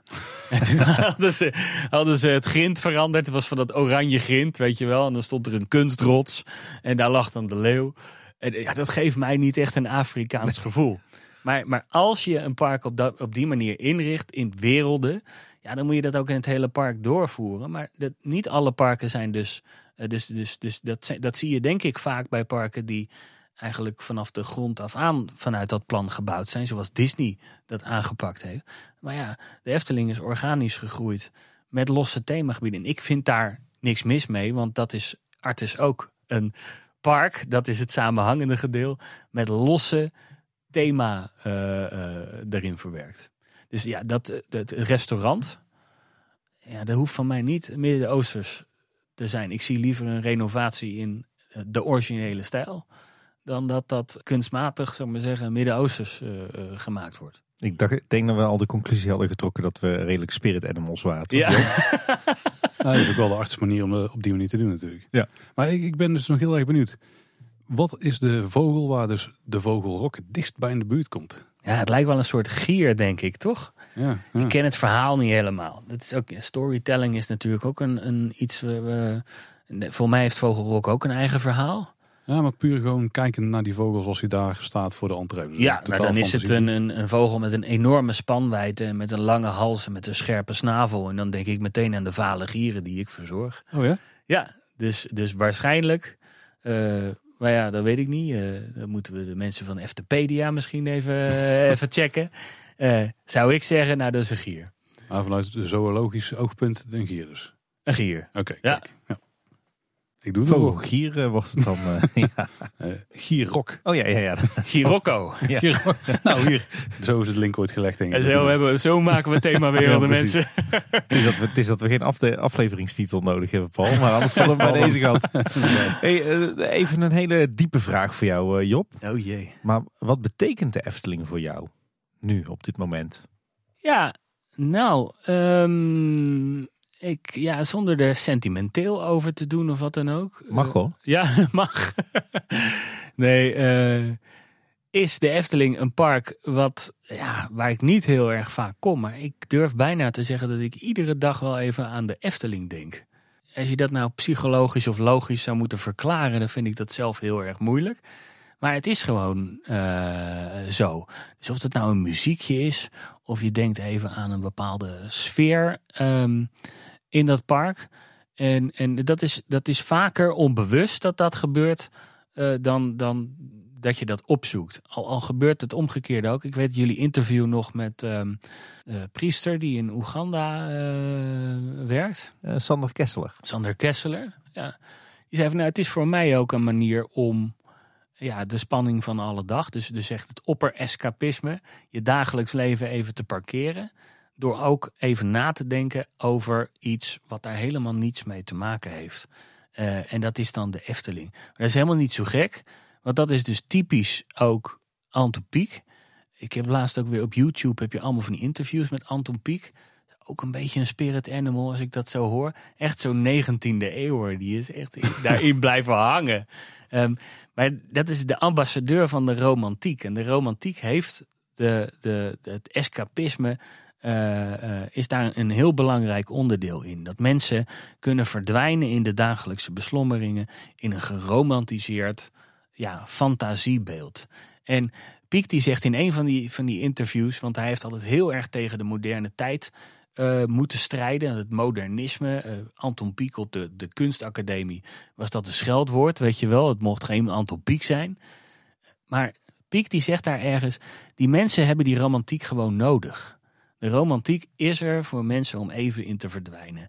En dat is, denk ik dus, wat ik iedere keer ook ervaar, dat die Efteling iedere keer terugkomt. Dat dat toch een soort, ja, die, dat escapisme is wat je daarin ervaart. Ook in je fantasie. Zijn er nog dingen uit de Efteling die je meeneemt in je dagelijks leven of in je werk misschien? Uh, behalve het liedje van de Carnaval Festival? ja, daar ontkomt niemand aan, ben ik bang. Nee, ja, um, het, het, het grootste gedeelte wat ik meeneem in de Efteling is uh, in mijn dagelijks leven. Uh, nou ja, jullie zijn in ieder geval onderdeel van mijn wekelijks Efteling leven. en dat zorgt er altijd weer voor dat ik um, in de vrije uurtjes of iets opzoek op Eftepedia of de Eftel Wesley filmpjes bekijk om te kijken hoe de bouwprojecten erbij liggen. Dus dat loop ik eigenlijk dankzij alles wat er over de Efteling is. Uh, is de Efteling er uh, iedere dag ook in mijn leven. Los daarvan werk ik iedere dag in Artes en dat doet ook gewoon een beetje Eftelings aan. Die conclusie hadden we inderdaad al wel een beetje getrokken. Hè? Hey, uh, we gaan iets geks doen. We hebben natuurlijk jou hier als uh, dierentuinkenner aan tafel. Uh, en we hebben het over de Efteling. Maar er liggen misschien ook wel, wel linkjes. dus we gaan het even hebben over de Efteling als dierentuin. Want wat, wat is voor jou je favoriete dier in de Efteling? Oh, mijn favoriete dier in de Efteling. Um, dat is, denk ik, en het is de eerste die gewoon in mijn hoofd opkomt, dat is moedergeit. Ja, dat is goed, ja. Ja, van jullie niet dan? Ja, nee. En, en, en, en, als je kijkt naar echt levende dieren in de, in de Efteling? Levende dieren in de Efteling. Um, Gevogelte genoeg, zou je kunnen zeggen. Ja, ja, ik denk dat jullie, want als je dat allemaal wil bijhouden, ja, dat, dat zie je dus, tenminste, dat heb ik met Artis. Als je daar iedere dag bent, dan kom je de bijzonderste vogelsoorten tegen. Dan kom je er dus ook achter dat zo'n eigenlijk door de mens aangelegd, uh, ja, uh, kunst, kunstmatig een beetje park, uh, toch ook een ecosysteem is waar heel erg veel dieren kunnen leven. In Artis zijn we er op dit moment hebben we een hele leuke samenwerking samen met uh, een hele hoop universiteiten. Dat heet Arise, waarbij zoveel mogelijk uh, biodiversiteit in kaart gebracht wordt. Um, zowel onder de grond als vogels. Als, um, we hebben een grote vogelradar, die eigenlijk op een intelligente manier um, silhouetten van vogels kan detecteren. En daardoor alle overvliegende vogels iedere dag documenteert.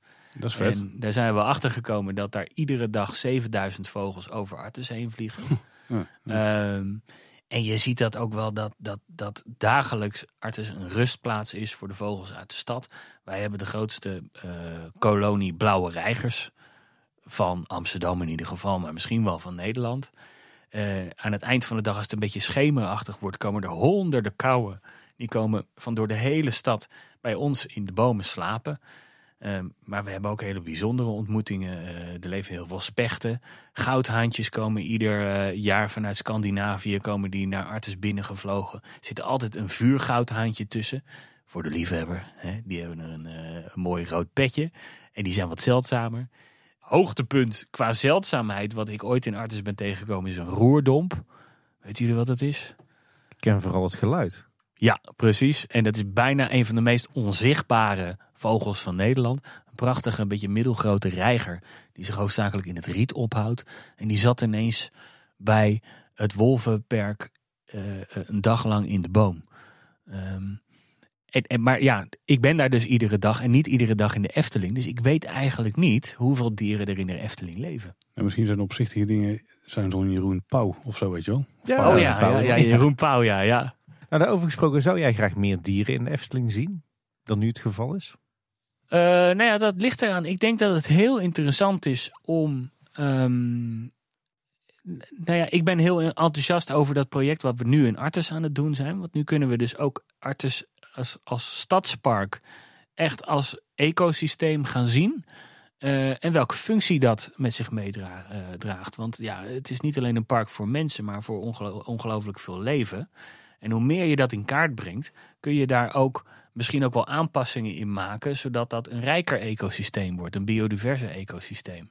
Ja, de Efteling heet natuurlijk een natuurpark. En de laatste jaren is nu ook een, eh, een, een onderzoek van gepubliceerd. De laatste jaren propageren ze zich ook veel meer als natuurpark. Um, en ik ben eigenlijk wel benieuwd wat de natuurfunctie van zo'n Eftelingpark is. En uh, uh, ja, het zou wel heel tof zijn. Het ligt natuurlijk aan een nationaal park.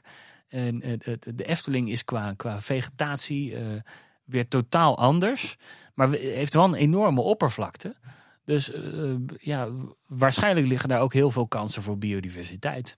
En voor insecten bijvoorbeeld. Uh, dus ja, misschien is het interessant om dat natuurparkgedeelte nog wel ook weer een beetje door te onderzoeken. Ja, voorlopig doen, lijkt ze dat vooral op de vakantieparken te doen, hè? op de verblijfsaccommodaties. Ja, ja, ik, ja, ik las zoiets, ja. ja. Spelen ze er wel eh, vrij veel op in. Maar in het park zelf, ja, het is ook wel een bijzondere omgeving. Ik heb laatst gehoord dat steden aan zich ook hele interessante biodiversiteit hebben. Dat er echt wel een plek is waar heel veel diersoorten waarvan je niet zou verwachten dat die daar kunnen Floreren. floreren inderdaad. Ja, ja. Floreren, nee, maar dat is ook zo. De, de, de steden worden steeds biodiverser. Soms biodiverser dan het open land dat er omheen ligt. En ehm, daar liggen dus heel veel kansen voor heel veel eh, eh, diersoorten. En soms, ja, als je over biodiversiteit hebt, heb je het bijvoorbeeld ook over een rijk bodemleven.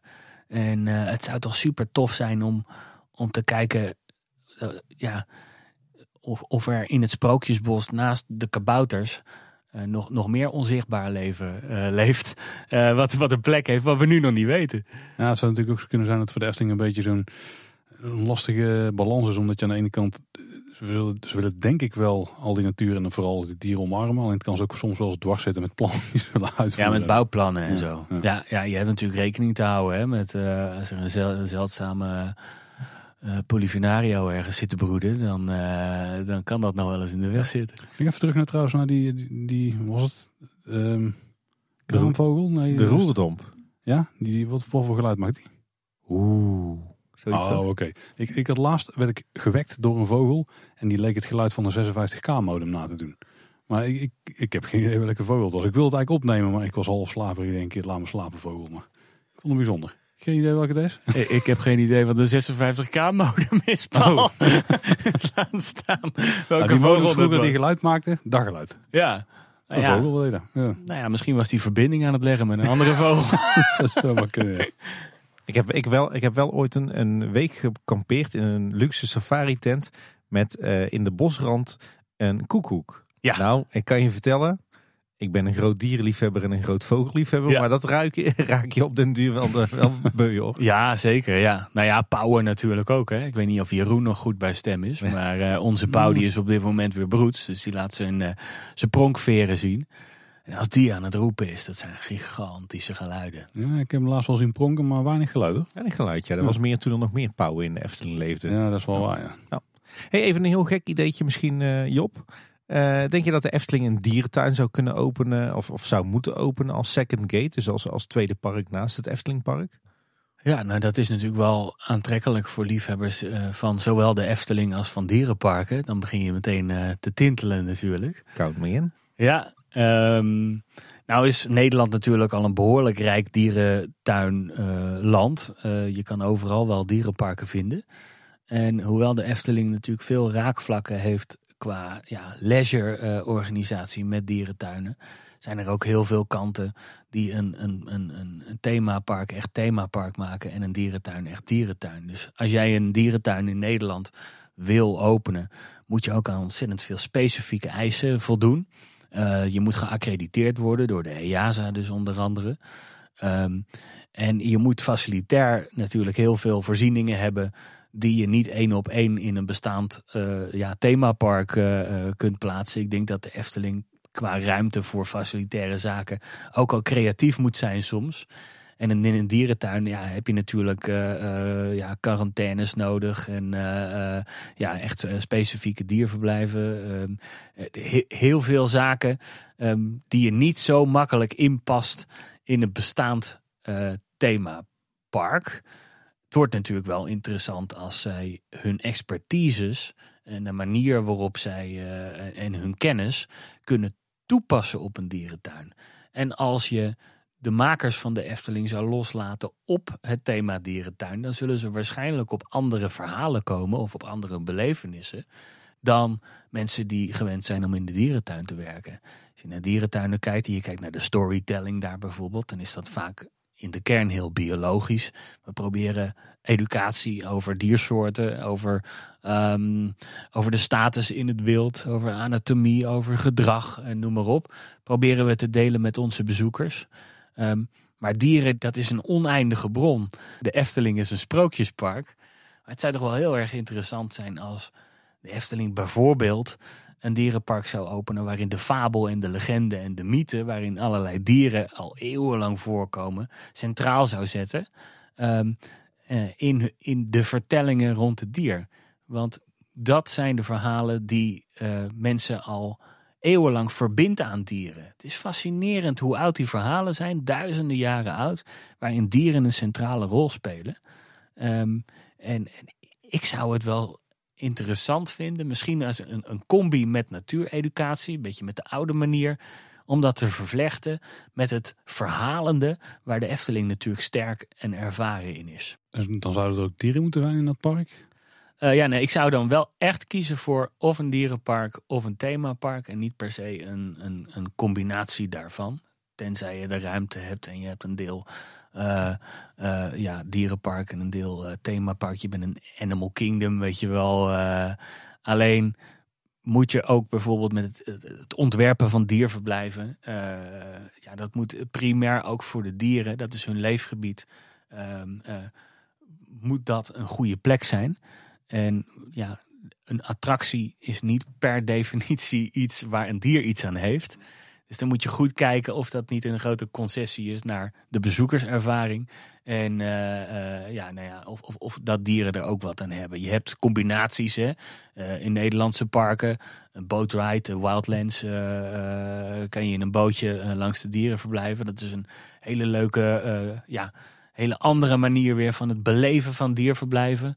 Singapore heeft ook zo'n boottour waarbij je langs dierenverblijven gaat. Nou ja, dat is een hele bijna organische manier waarop je naar dieren kunt kijken. Het nadeel daarvan is, is dat je weer wat minder makkelijk uh, gedrag kunt bekijken. Als je in een uh, ja, track zit, of in een, dan, dan ga je er echt langs.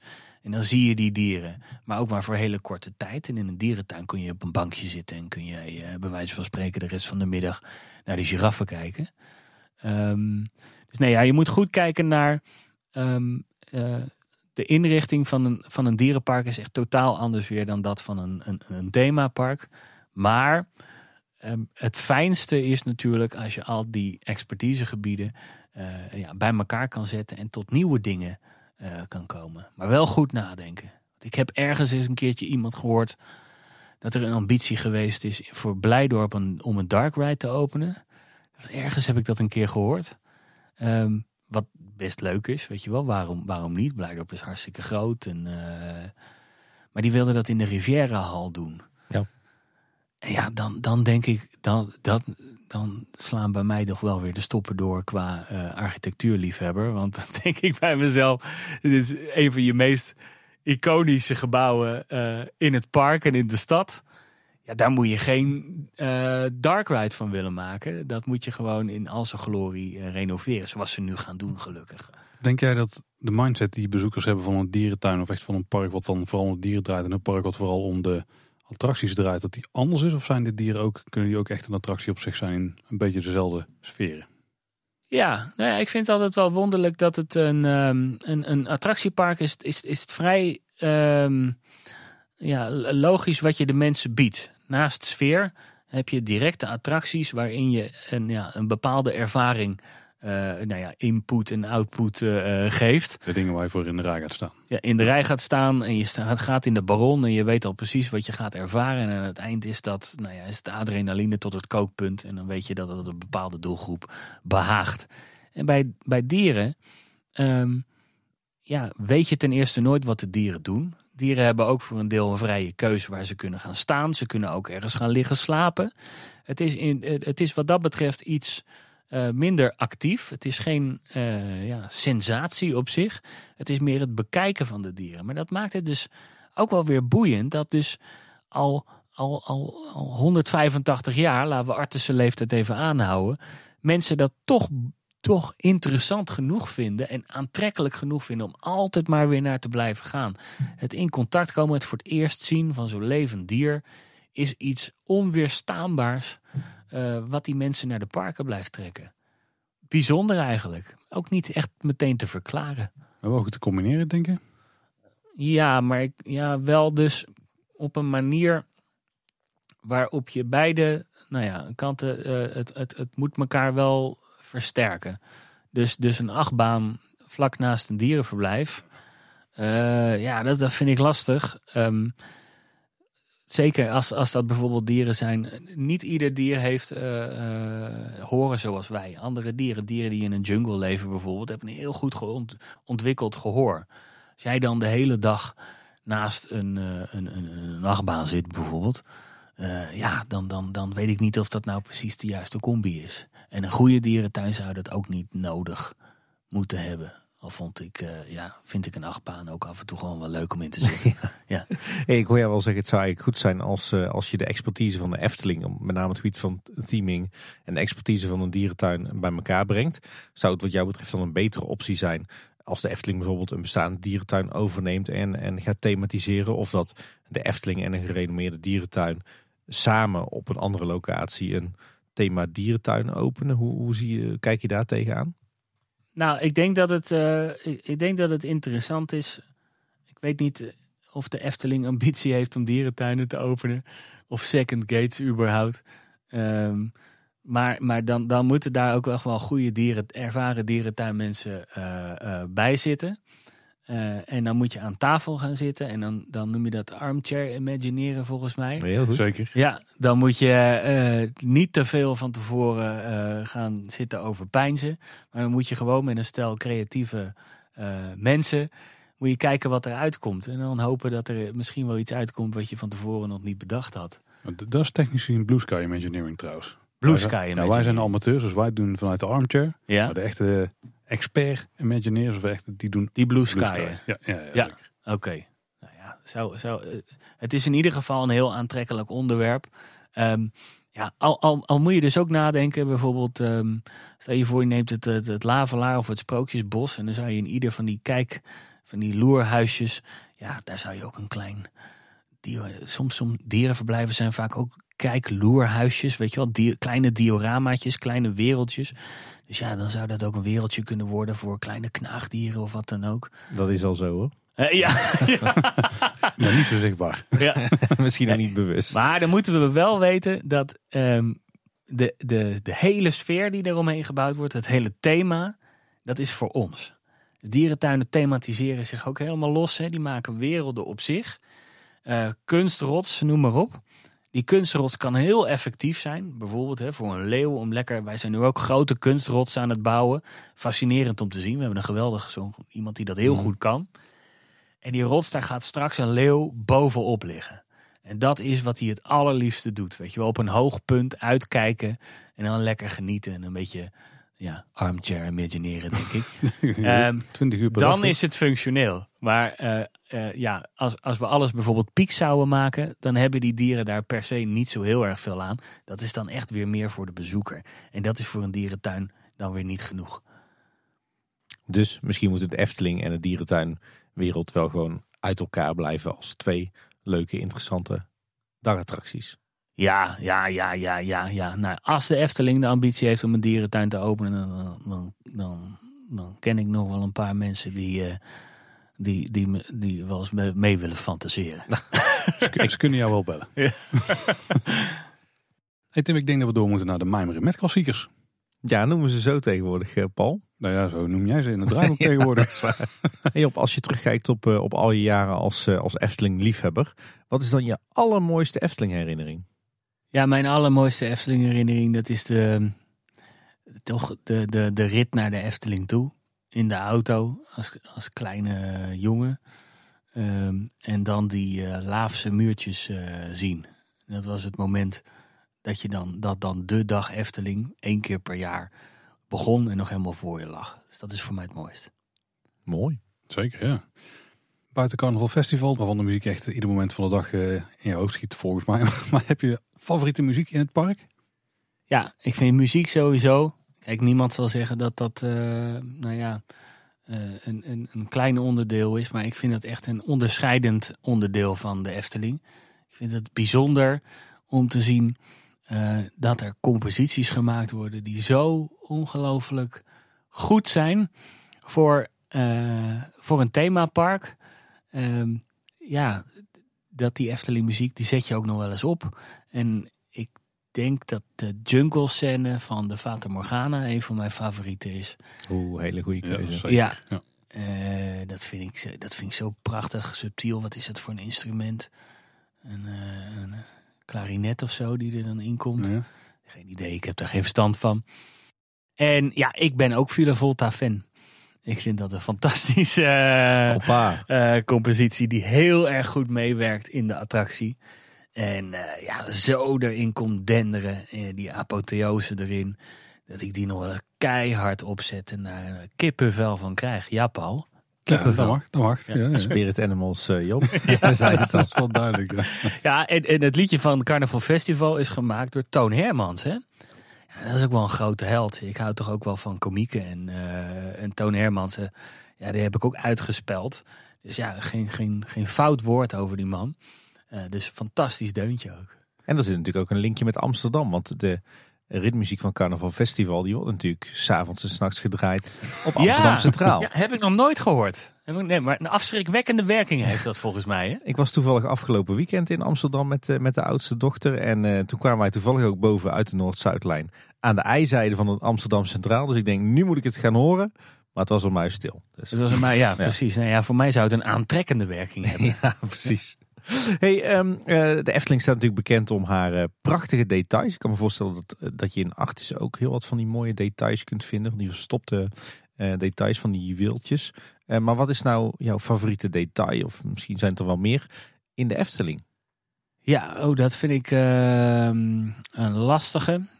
Maar ik ben bij sommigen ook wel door jullie dan weer aangewakkerd in, in, in mooie details. Dus ik weet, ik weet ja, de, de entree van het uh, sport- en wandelpark. Dat zeg ik toch wel goed. Dat had twee van die grote lantaarns. Ja. En die kan je nu in het Ruigrijk vinden. Dat hebben jullie mij geleerd. Ja, zeker. En die heb ik nog nooit gezien. En dat is nou even een van die plekjes, weer, weer de historische sensatie. Waar ik dus morgen enorm naar ga zitten kijken. en dan ga fantaseren over de geschiedenis van de Efteling door twee van die lantaarntjes. dus dat vind ik een heel mooi detail. En daarnaast een van de details die me in mijn jeugd een enorme impact heeft gehad. En waar ik altijd nu vrij ontspannen naar kijk. En dan terugdenk aan Job die als het eraan kwam naar beneden keek. En in het begin ook zijn oren dicht deed. dat is het vallende hek van de Vater Morgana. Hm. Dat is voor mij mijn, mijn dingetje. En laten we dan ook een andere erbij doen. Ik, ik vind in het Sprookjesbos uh, uh, moet ik altijd erg lachen om de gezichten van de lakeien van de nieuwe kleren van de keizer. En dat is ja ook niet echt verklaarbaar, maar ik vind alle koppen die ze daarin hebben gemaakt, daar moet ik altijd ongelooflijk hard om lachen. Die vind ik behoorlijk ja, goed gelukt.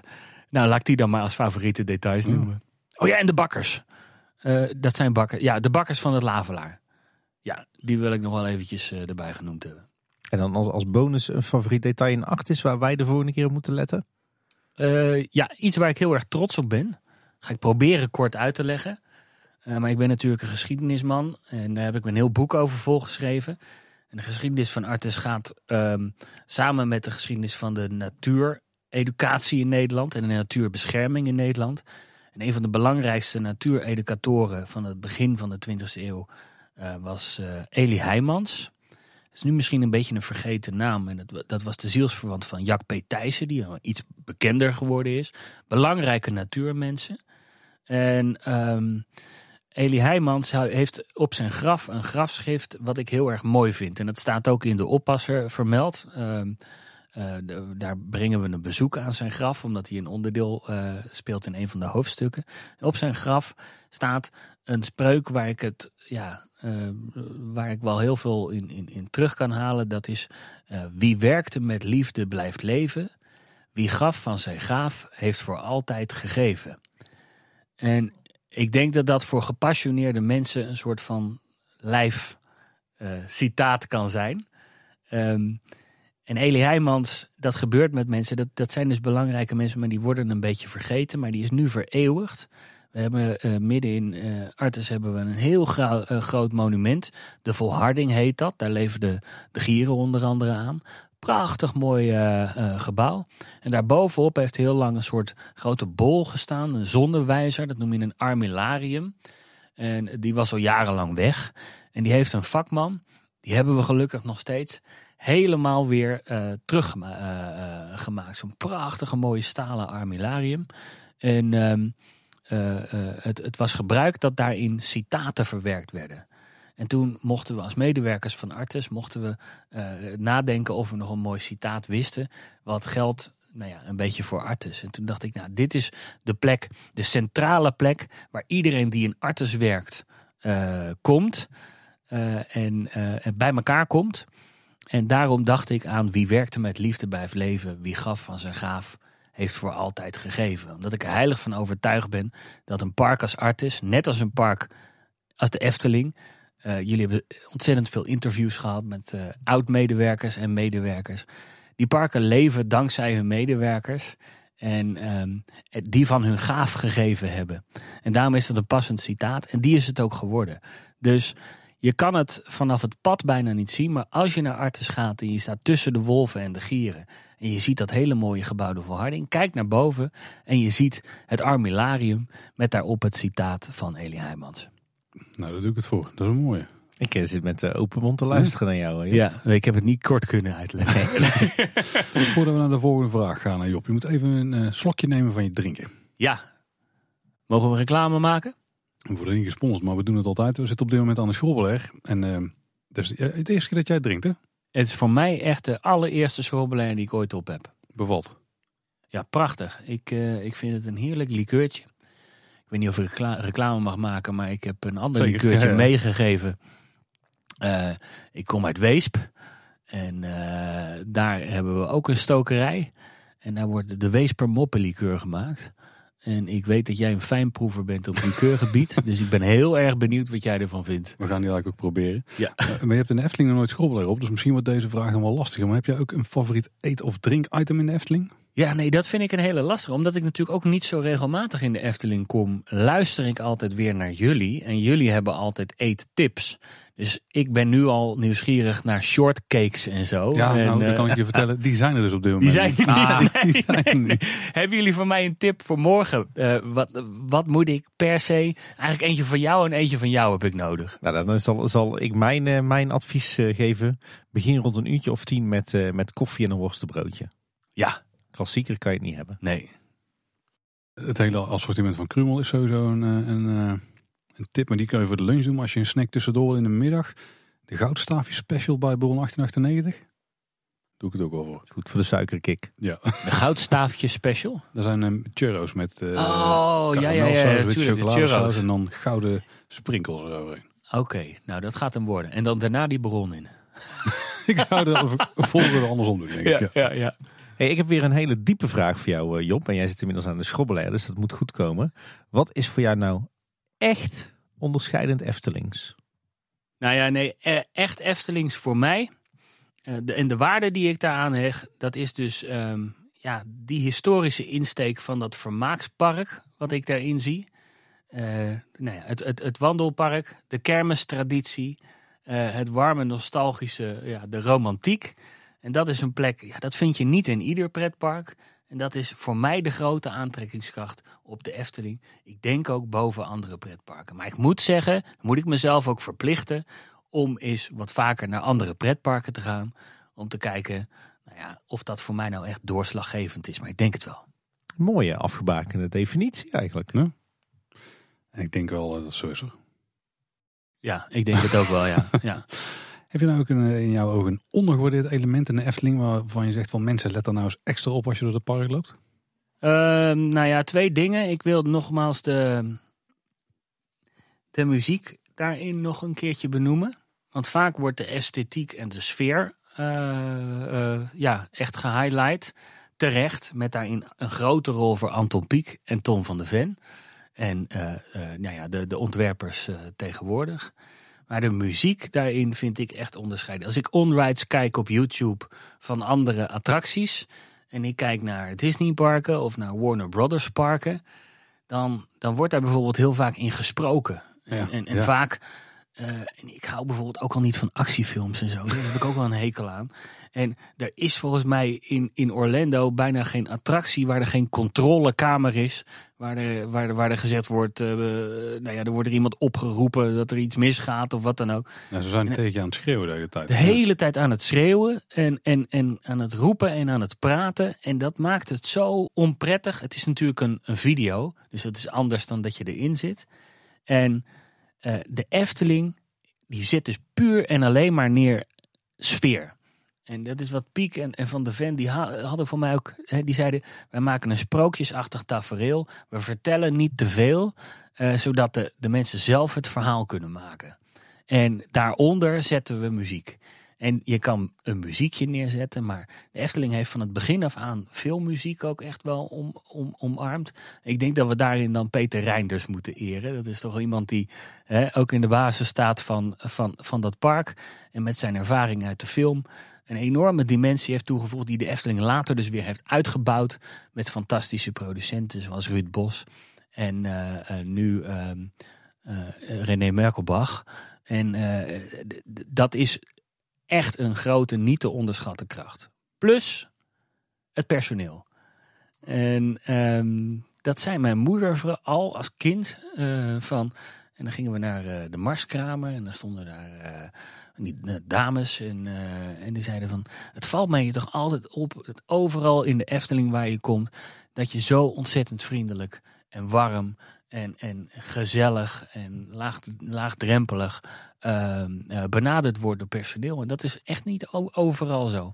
En dat is ook een grote, ja, misschien wel onderschatte kracht, waardoor mensen graag in zo'n park komen en dus ook terugkomen.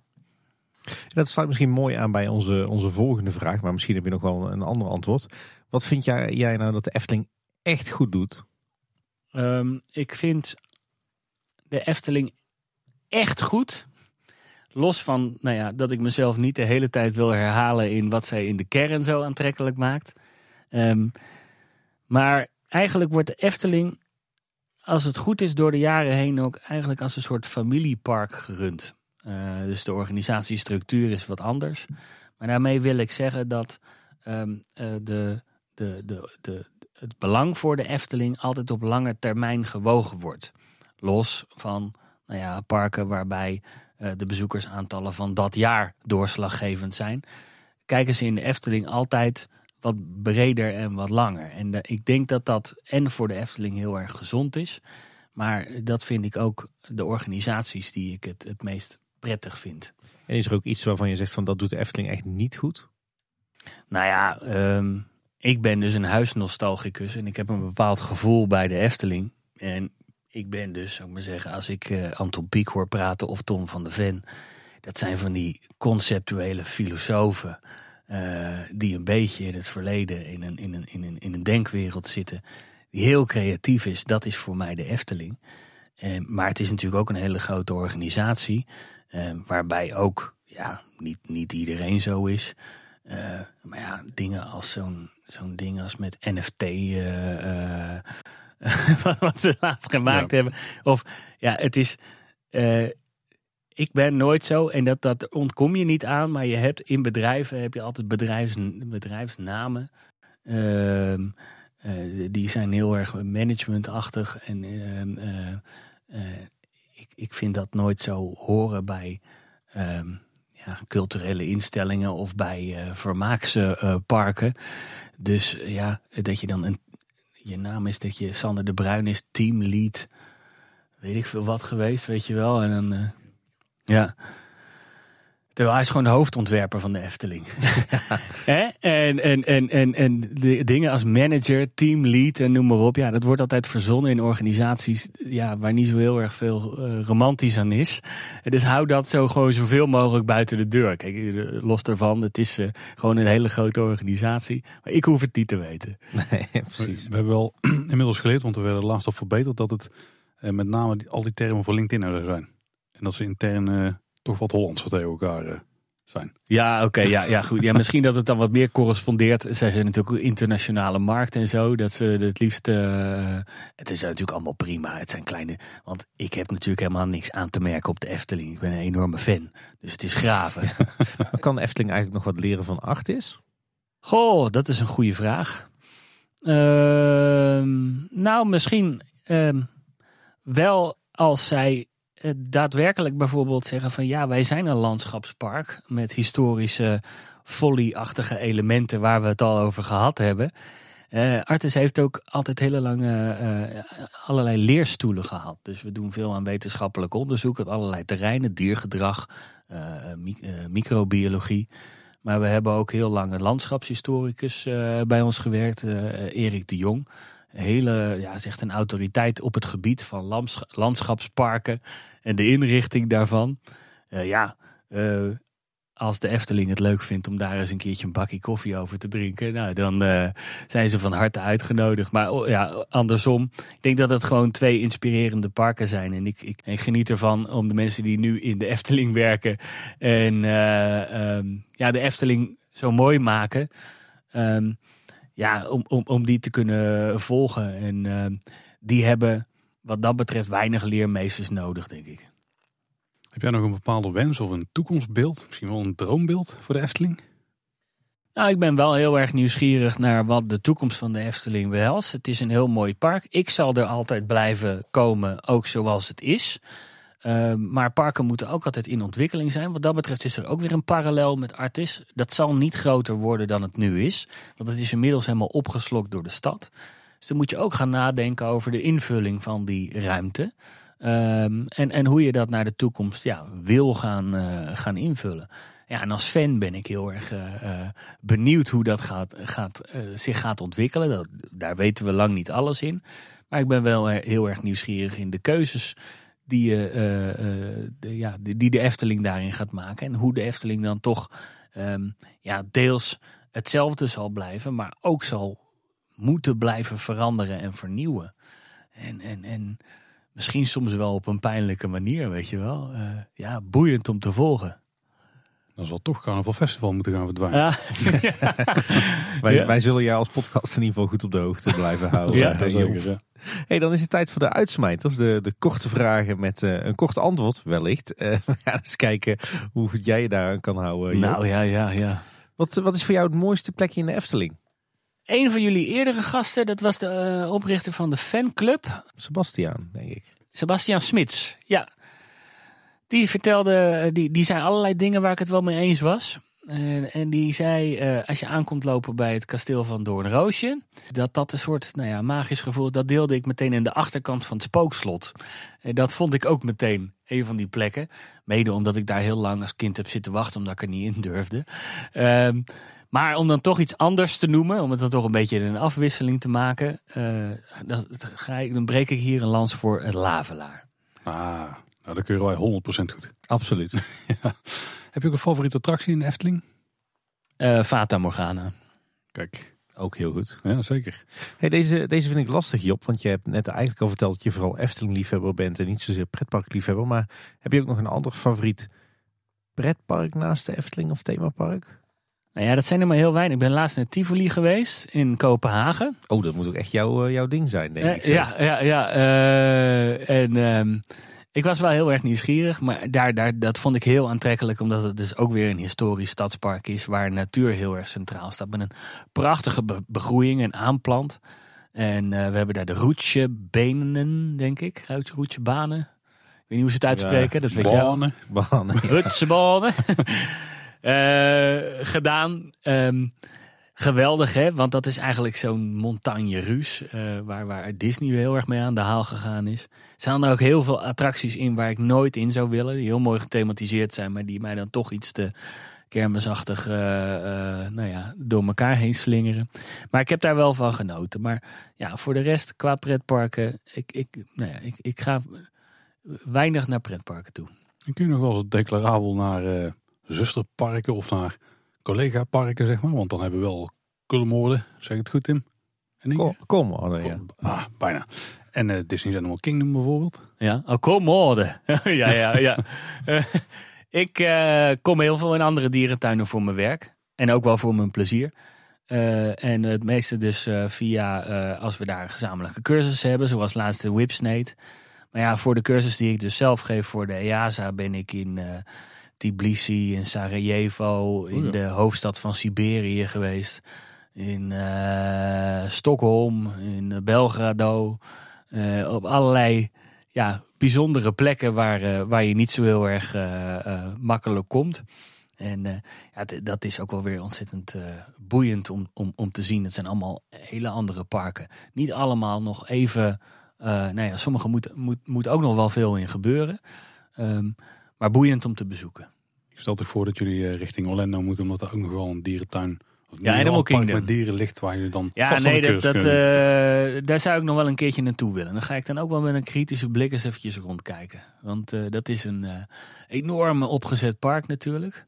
Ehm, en ik ben, ja, ik ben, ik, ik, ik, ik maar, maar grote budgetten en zo. En uh, dat, dat zegt lang niet altijd alles over, uh, over hoe, hoe, hoe de dierentuin is. Maar Animal Kingdom hoor ik heel veel positieve verhalen van. Ook van collega's en zo. Ja, goed. En als we dan toch in Orlando zijn, dan. Uh, hè? Moet de rest ook maar. Ja. Moet ik ook maar eens een keer zo'n zo'n Disney park bekijken. Nou en, dan moet er naar je geschreven worden in uh, Universal. Ja, ja, nou, ik, ik, ja en dan, dan, moet je al om zeven uur opstaan om een, om een plaatsje te, te bereiken in, voor, voor in een attractie. Ja, daar ben ik helemaal geen mens voor. Nou, die studie moet flaneren, ik wil flaneren. Ik wil nou, niet nadenken. Heel eerlijk, uh, Job, dan denk ik dat je toch beter gewoon naar New York kan gaan. Ik denk dat jij veel meer aan je trekken komt in uh, Central Park Zoo en de Bronx Zoo. Ja, Central Park Zoo, de Bronx Zoo. Oh, oh, oh, Tim, dit was het kopje favoriete pretpark. Oh ja, ja, ja. Dan moet je naar, dan moet je naar Coney Island. Dat zal je ook wel liggen trouwens. Coney Island, ja, nee, ja ook zo interessant. Hè?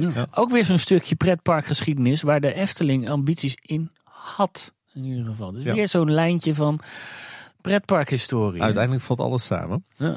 Daarover gesproken, we hebben nog een paar uitsmijters die we eigenlijk alleen aan jou kunnen, kunnen voorleggen. Als je ze dadelijk hoort, dan snap je wel waarom. ja, precies. Want wat is nou jouw, ja, ik, denk dat ik de vraag wel kan beantwoorden, maar wat is nou jouw meest favoriete dierentuin aller tijden? Ja, dat, dat, is, uh, dat, dat is Artis geworden. Ja. Ja, maar dat, ik kan ook niet anders. Toen ik in Avifauna werkte, zat ik direct uh, daarnaast zat ik bij de historische vereniging alles over avifauna op te zoeken. En uh, hetzelfde heb ik in Artes gedaan.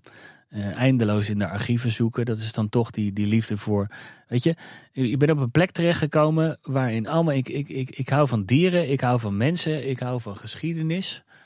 Um, en, en, en ik hou van dagjes uit. Laten we het zo even samenvatten. En dat komt allemaal samen. Dus voor mij is, is, is Artes inspirerend. Uh, ja. En vind ik het een eer om mensen ook te kunnen vertellen over het park.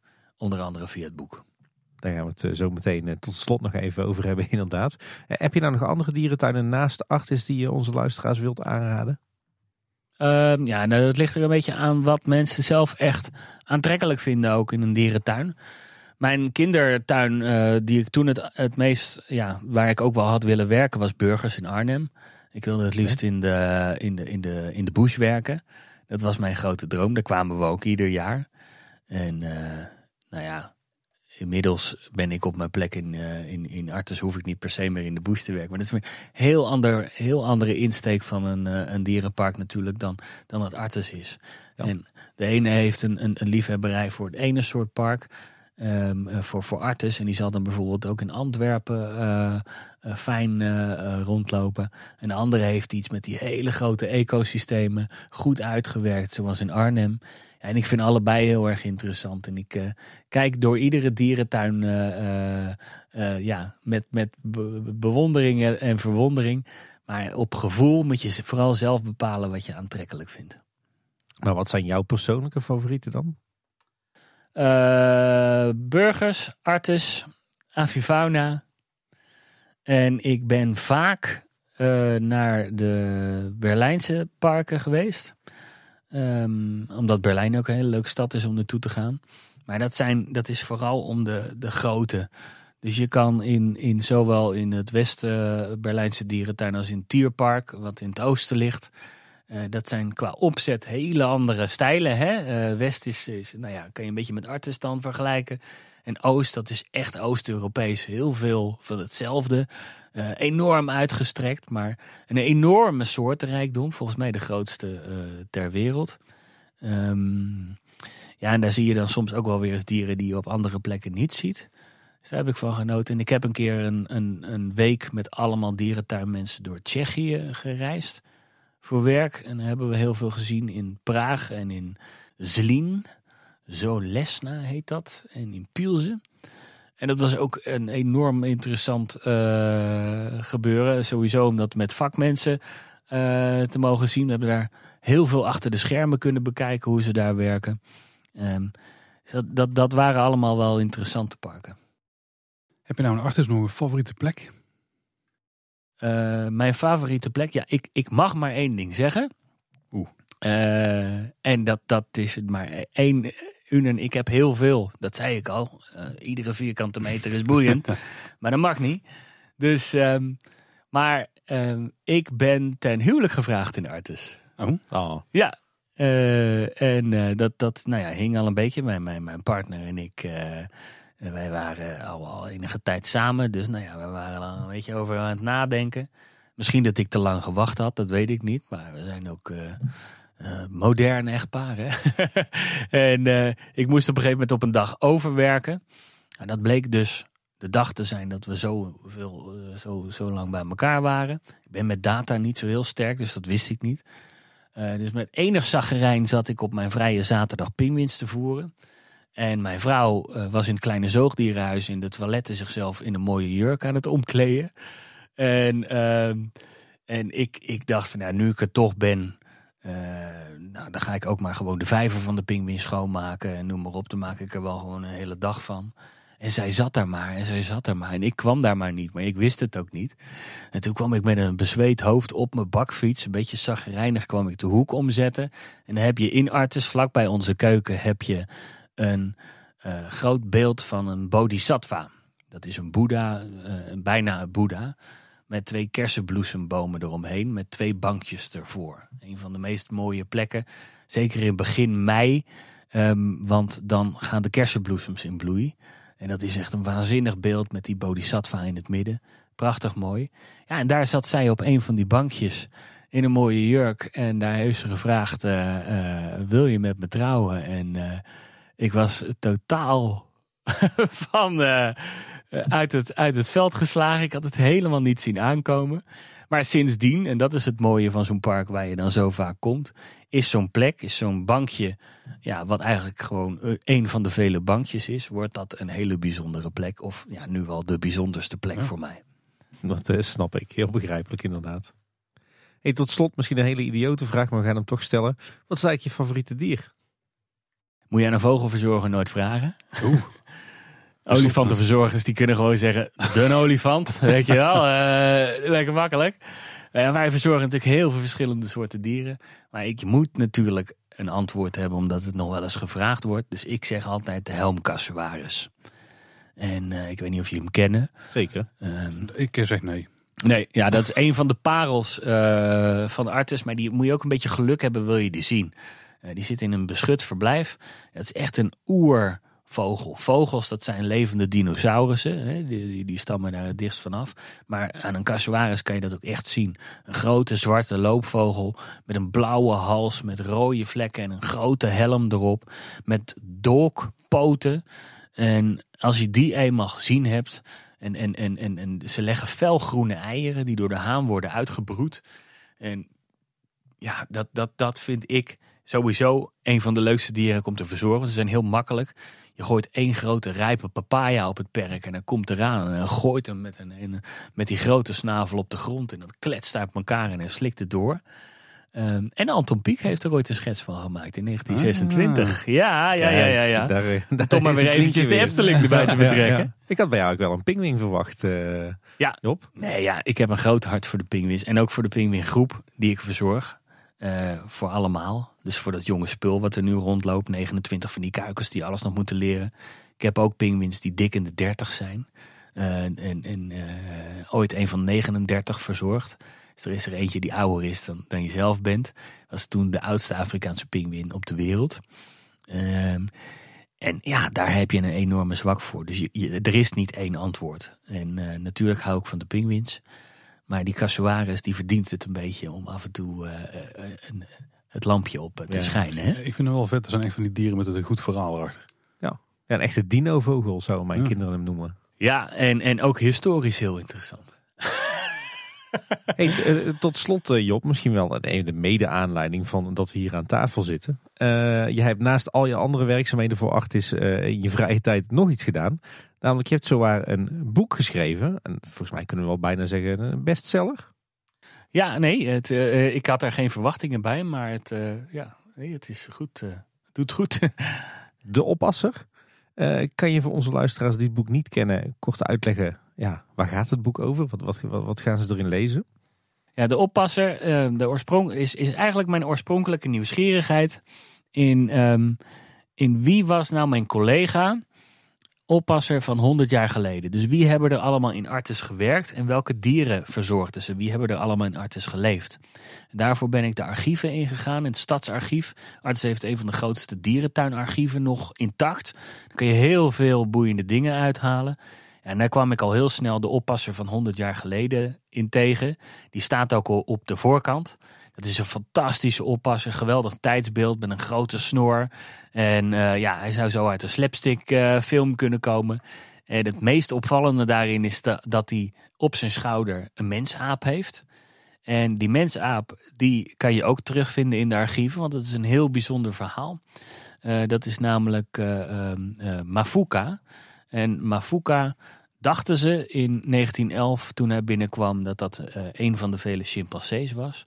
Maar toen gingen ze onderzoeken en Mafuka die bleek dus in alles totaal anders te zijn. En waarom dat was, dat zou nog uh, nou, even duren uh, voordat ze daarachter kwamen. Maar dat waren de, de, de eerste twee hoofdpersonen uit de geschiedenis van Artes. Die uh, tegelijkertijd iets vertelden over ja, hoe, hoe mijn beroep zich ontwikkeld heeft. Want het Artes van de tijd van oppasser Houtman op de, op de voorkant totaal anders nog. Wat hij de apen verzorgde. Uh, die begonnen altijd s'morgens met een boterham met boter en suiker bijvoorbeeld, weet je wel. En dan kregen ze een beker met thee. En uh, dat, zijn allerlei totaal andere uh, beelden. Dus het, het, het, het, het beroep is anders geworden. Maar ook waar, hoe we naar dieren zijn gaan kijken. En ik heb aan de hand van personages, mens en dier heb ik eigenlijk een historische lijn willen trekken door de geschiedenis van Artes heen. Door die laagjes taart aan verhalen. Waarbij eigenlijk de rode draad uh, een, zoektocht is naar onze relatie met de natuur um, door de jaren heen. En het is afwisselend historische verhalen en dan weer een verhaal dat zich afspeelt in het Artes van nu. Uh, waarbij je met mij op de bakfiets door Artes gaat en uh, meemaakt wat je als dierverzorger allemaal meemaakt. En jij dacht op een dag gewoon, goh, dit vind ik interessant. Laat ik er maar eens een boek van gaan, uh, gaan maken. Nee, dat had ik nooit gedacht. En dat had ik ook nooit durven uh, denken. Um, dat is echt, uh, ja, zo'n dingetje dat komt op je pad. Ook weer op een gekke manier. ik was wel al sinds het begin met die, het verzamelen van die verhalen bezig. Maar meer voor mezelf. En we hebben in Artis vertellen we veel verhalen. En iedere zomer zijn we met de zomeravonden, zaterdagavonden open. En dan, dan doen we extra dingen. En ik heb voor uh, een van die zomeravonden een keertje het verhaal verteld van wie was mijn collega van 100 jaar geleden. Dat is het eerste verhaal waar ik aan gewerkt heb. Uh, maar toen had ik enorm veel pech. Want ik was vijf minuten onderweg en toen begon het uh, te, uh, te, te, te, te, ruppelen. Tien minuten onderweg, toen begon het te regenen. En vijftien minuten onderweg en toen begon het te hozen. En toen kon het niet meer. En toen was dat verhaal eigenlijk een beetje nou ja, in het water gevallen, letterlijk. En um, dat was eigenlijk een geluk bij een ongeluk. Dat dat dus nog niet een afgerond ding was. Uh, want later kwam er, was er een boekpresentatie in Artis van een ander boek dat over dieren ging. En daarin zat ik in een panel. En daar kwam ik in contact met uh, een, een, een, redacteur. En uh, nou, ik had het die avond over, over het werken in dierentuinen gehad. En die zei van, joh, mocht je een keer een leuk idee hebben... nou ja, wees welkom, kom eens een keertje praten. En toen had ik natuurlijk al die historische verhalen al verzameld. En heb ik ze dat voorgelegd. En gelukkig uh, uh, is dat nu een boek geworden. Maar ja, dat had ik nooit durven dromen. En hoe waren de reacties? Ja, tot op de dag van vandaag is dat een groot cadeau. Dus het schrijven van een boek, dat is best wel een intensief ding. Uh, daar gaat heel veel tijd in zitten. Het naspeuren natuurlijk, maar ook het schrijven en het redigeren. Maar als dat eenmaal af is en de wereld ingaat, dan um, hoef je er eigenlijk niks meer aan te doen. En dan gaan de mensen het lezen. En als ze het mooi vinden, dan, dan komen ze er bij je op terug. En dan zijn de reacties echt heel erg hartverwarmend. Het is ongelooflijk hoeveel uh, ja, uh, brieven je dan ook krijgt met, met, met, met uh, ervaringen van mensen. ja, de, heel veel mensen hebben hun leven geleefd in Artes. Ehm, en, en die herkennen daarin, iedereen herkent in die historische verhalen ook een beetje zijn eigen arts terug. dat is het mooie van dat park. Dus uh, ja, en dat krijg ik dus nu als ik uh, tussen de pinguïns sta en mijn verhaal sta te vertellen. dan, uh, dan tikt iemand me weer eens aan en die zegt: Oh, ik heb genoten van, van je boek. dat is ongelooflijk leuk. Smaakt het nog naar meer? Um, ja, ik zou nog wel een, nog wel meer boeken willen schrijven. Maar nogmaals, um, het is een hoop werk. En er liggen nog heel veel verhalen over Artes. Uh, of het nog een Artes-boek wordt, dat weet ik niet. Uh, maar misschien dat er in de toekomst nog wel een keer een boek komt. Ik heb ondertussen in ieder geval mijn column nog. Wat over mijn werk in de dierentuin gaat. En dat is heerlijk om te doen. Uh, en het schrijven, dat heb ik omarmd. En ik hoop dat ik dat nog een tijdje kan volhouden. Nou, ik weet wel wie het jubileumboek voor 200 jaar acht is gaat schrijven. Oeh, 15 jaar. Ja. Dat moet wel lukken, ja. Nou ja, als ik hoor dat, uh, dat er toch meerdere oppassers zijn die uh, 30, 40, 50, 60 jaar bij Achtis werken. Nou, Zeker, ja. Dan, dan moet uh, 30 jaar bij Achtis toch ook wel lukken, Job? Ja, nou, uh, ik, ik, ik hoop dat ik daar nog een stukje van mijn leven. Maar goed, ik bedoel, ik, ik moet ook iets toe te voegen hebben aan het park natuurlijk. Ja. Maar het, het, het is zo. Artis is een levenspark. En uh, het is mooi om daar uh, ook werkend een onderdeel uit van te kunnen maken. Nou, ik denk dat uh, als, als onze luisteraars genoten hebben van jouw verhalen, dan, ja, dan kan ik alleen maar zeggen: schaf het boek De Oppasser aan van Job van Tol. Dus kost bovendien ook nog niet eens zo, zo, zo gek veel. staat bomvol met, met leuke verhalen. Anne en ik hebben het boek direct na verschijning allebei stuk gelezen. En jij hebt er net zelfs een mooi, mooi verhaaltje ingeschreven, Job, met jouw handtekening. Iets wat maar weinig mensen kunnen zeggen, want normaal gesproken mag niemand aan mijn boeken komen. Het gaat over dieren, maar jij bent mijn spirit animal. Precies, hè? daar waren we al achter. Ja. Nee, absolute aanrader. Uh, koop het boek De Oppasser van, uh, van Job. Ja, Job, dan kunnen we jou uh, alleen maar heel erg hartelijk bedanken voor jouw verhalen. Nou, heel erg graag gedaan. Ik vond het een grote eer als vaste luisteraar om een keertje bij jullie langs te mogen komen. Dankjewel. Nou, de eer was insgelijks. Als mensen nou meer over jou willen weten of ze willen jou online volgen, waar kunnen ze dan het beste terecht? Uh, nou, je kan me op LinkedIn vinden, op uh, Twitter, op Instagram. Uh, of je neemt lekker een abonnementje op Hollands Glory Magazine. dan kan je me lezen. ja, noem maar op. vind mij. Kom vooral ook een keertje langs in Artes. Hartstikke gezellig. En zwaai eventjes. En het codewoord is Efteling. dan ga je aan. Ja, dan ga ik aan. Of kleine boodschap. Ik ben nu wel benieuwd wat jouw, jouw, jouw functie op, uh, op LinkedIn is. Want dat mag dan geen uh, hippe Engelse term zijn, uh, Job. Ja, nee, ja, dat is ook in het Engels inderdaad. Ja. Ik heb al, in, in mijn LinkedIn heb ik ook nog wel veel. maar dat is wel zookeeper. En niet team lead, coordinator of the process of zo. Nou, nou ja, zookie, zookeeper rekening goed hoor. Ja? Ja, daar doen we het wel voor, ja. En uh, ga sowieso het boek checken. Ja, we zullen een uh, linkje in de show notes opnemen richting uh, bol.com, waar je boek ook gewoon te koop is. Ja. Het thema onze luisteraars ons willen vinden, waar kunnen ze dan allemaal terecht? Ook op LinkedIn, alhoewel we daar natuurlijk niet officieel op staan. Nee. Oh, in mijn geval met gewoon een Nederlandse beschrijving overigens. Uh, oeh, ik heb wel een Engels woord erin zitten. Ja, dat zal niemand verbazen. Nee, we zijn uh, natuurlijk te volgen op diverse sociale media. Uh, en ga gewoon even naar kleineboodschap.com slash volgen. Daar vind je al onze kanalen. en daarnaast kan je ook op allerlei andere manieren contact met ons opnemen. Bijvoorbeeld door het contactformulier op te, in te vullen. Dat vind je op kleineboodschap.com. Of je mailt naar info.kleineboodschap.com. Ja, je kunt natuurlijk naar ons luisteren in alle podcast apps. En dan kun je ook abonneren mocht je dat nog niet gedaan hebben. En uh, wat in sommige podcast apps ook kan, zoals in Apple Podcast en in Spotify, dan kun je reviewtjes achterlaten. In sterren en uh, soms ook geschreven. Dat kan volgens mij in beide tegenwoordig. Dan uh, kunnen we het altijd heel erg waarderen en helpt andere mensen ook weer sneller om de podcast te vinden. Maar het allermooiste is natuurlijk de mond-tot-mond reclame. Daarmee krijg je mensen echt het snelste warm om eens een keer te gaan luisteren naar Kleine Boodschap. Ja, en Kleine Boodschap luister je natuurlijk in je favoriete podcast app of op Spotify. Of natuurlijk ouderwets gewoon via onze website en dat is kleineboodschap.com. Nou Job, nogmaals dank. Graag gedaan. En dan ben ik heel benieuwd hoe we gaan afsluiten. Luisteraars, was weer voor deze week. Bedankt voor het luisteren. Tot de volgende keer. En houdoe. Houdoe, wacht. De mazzel.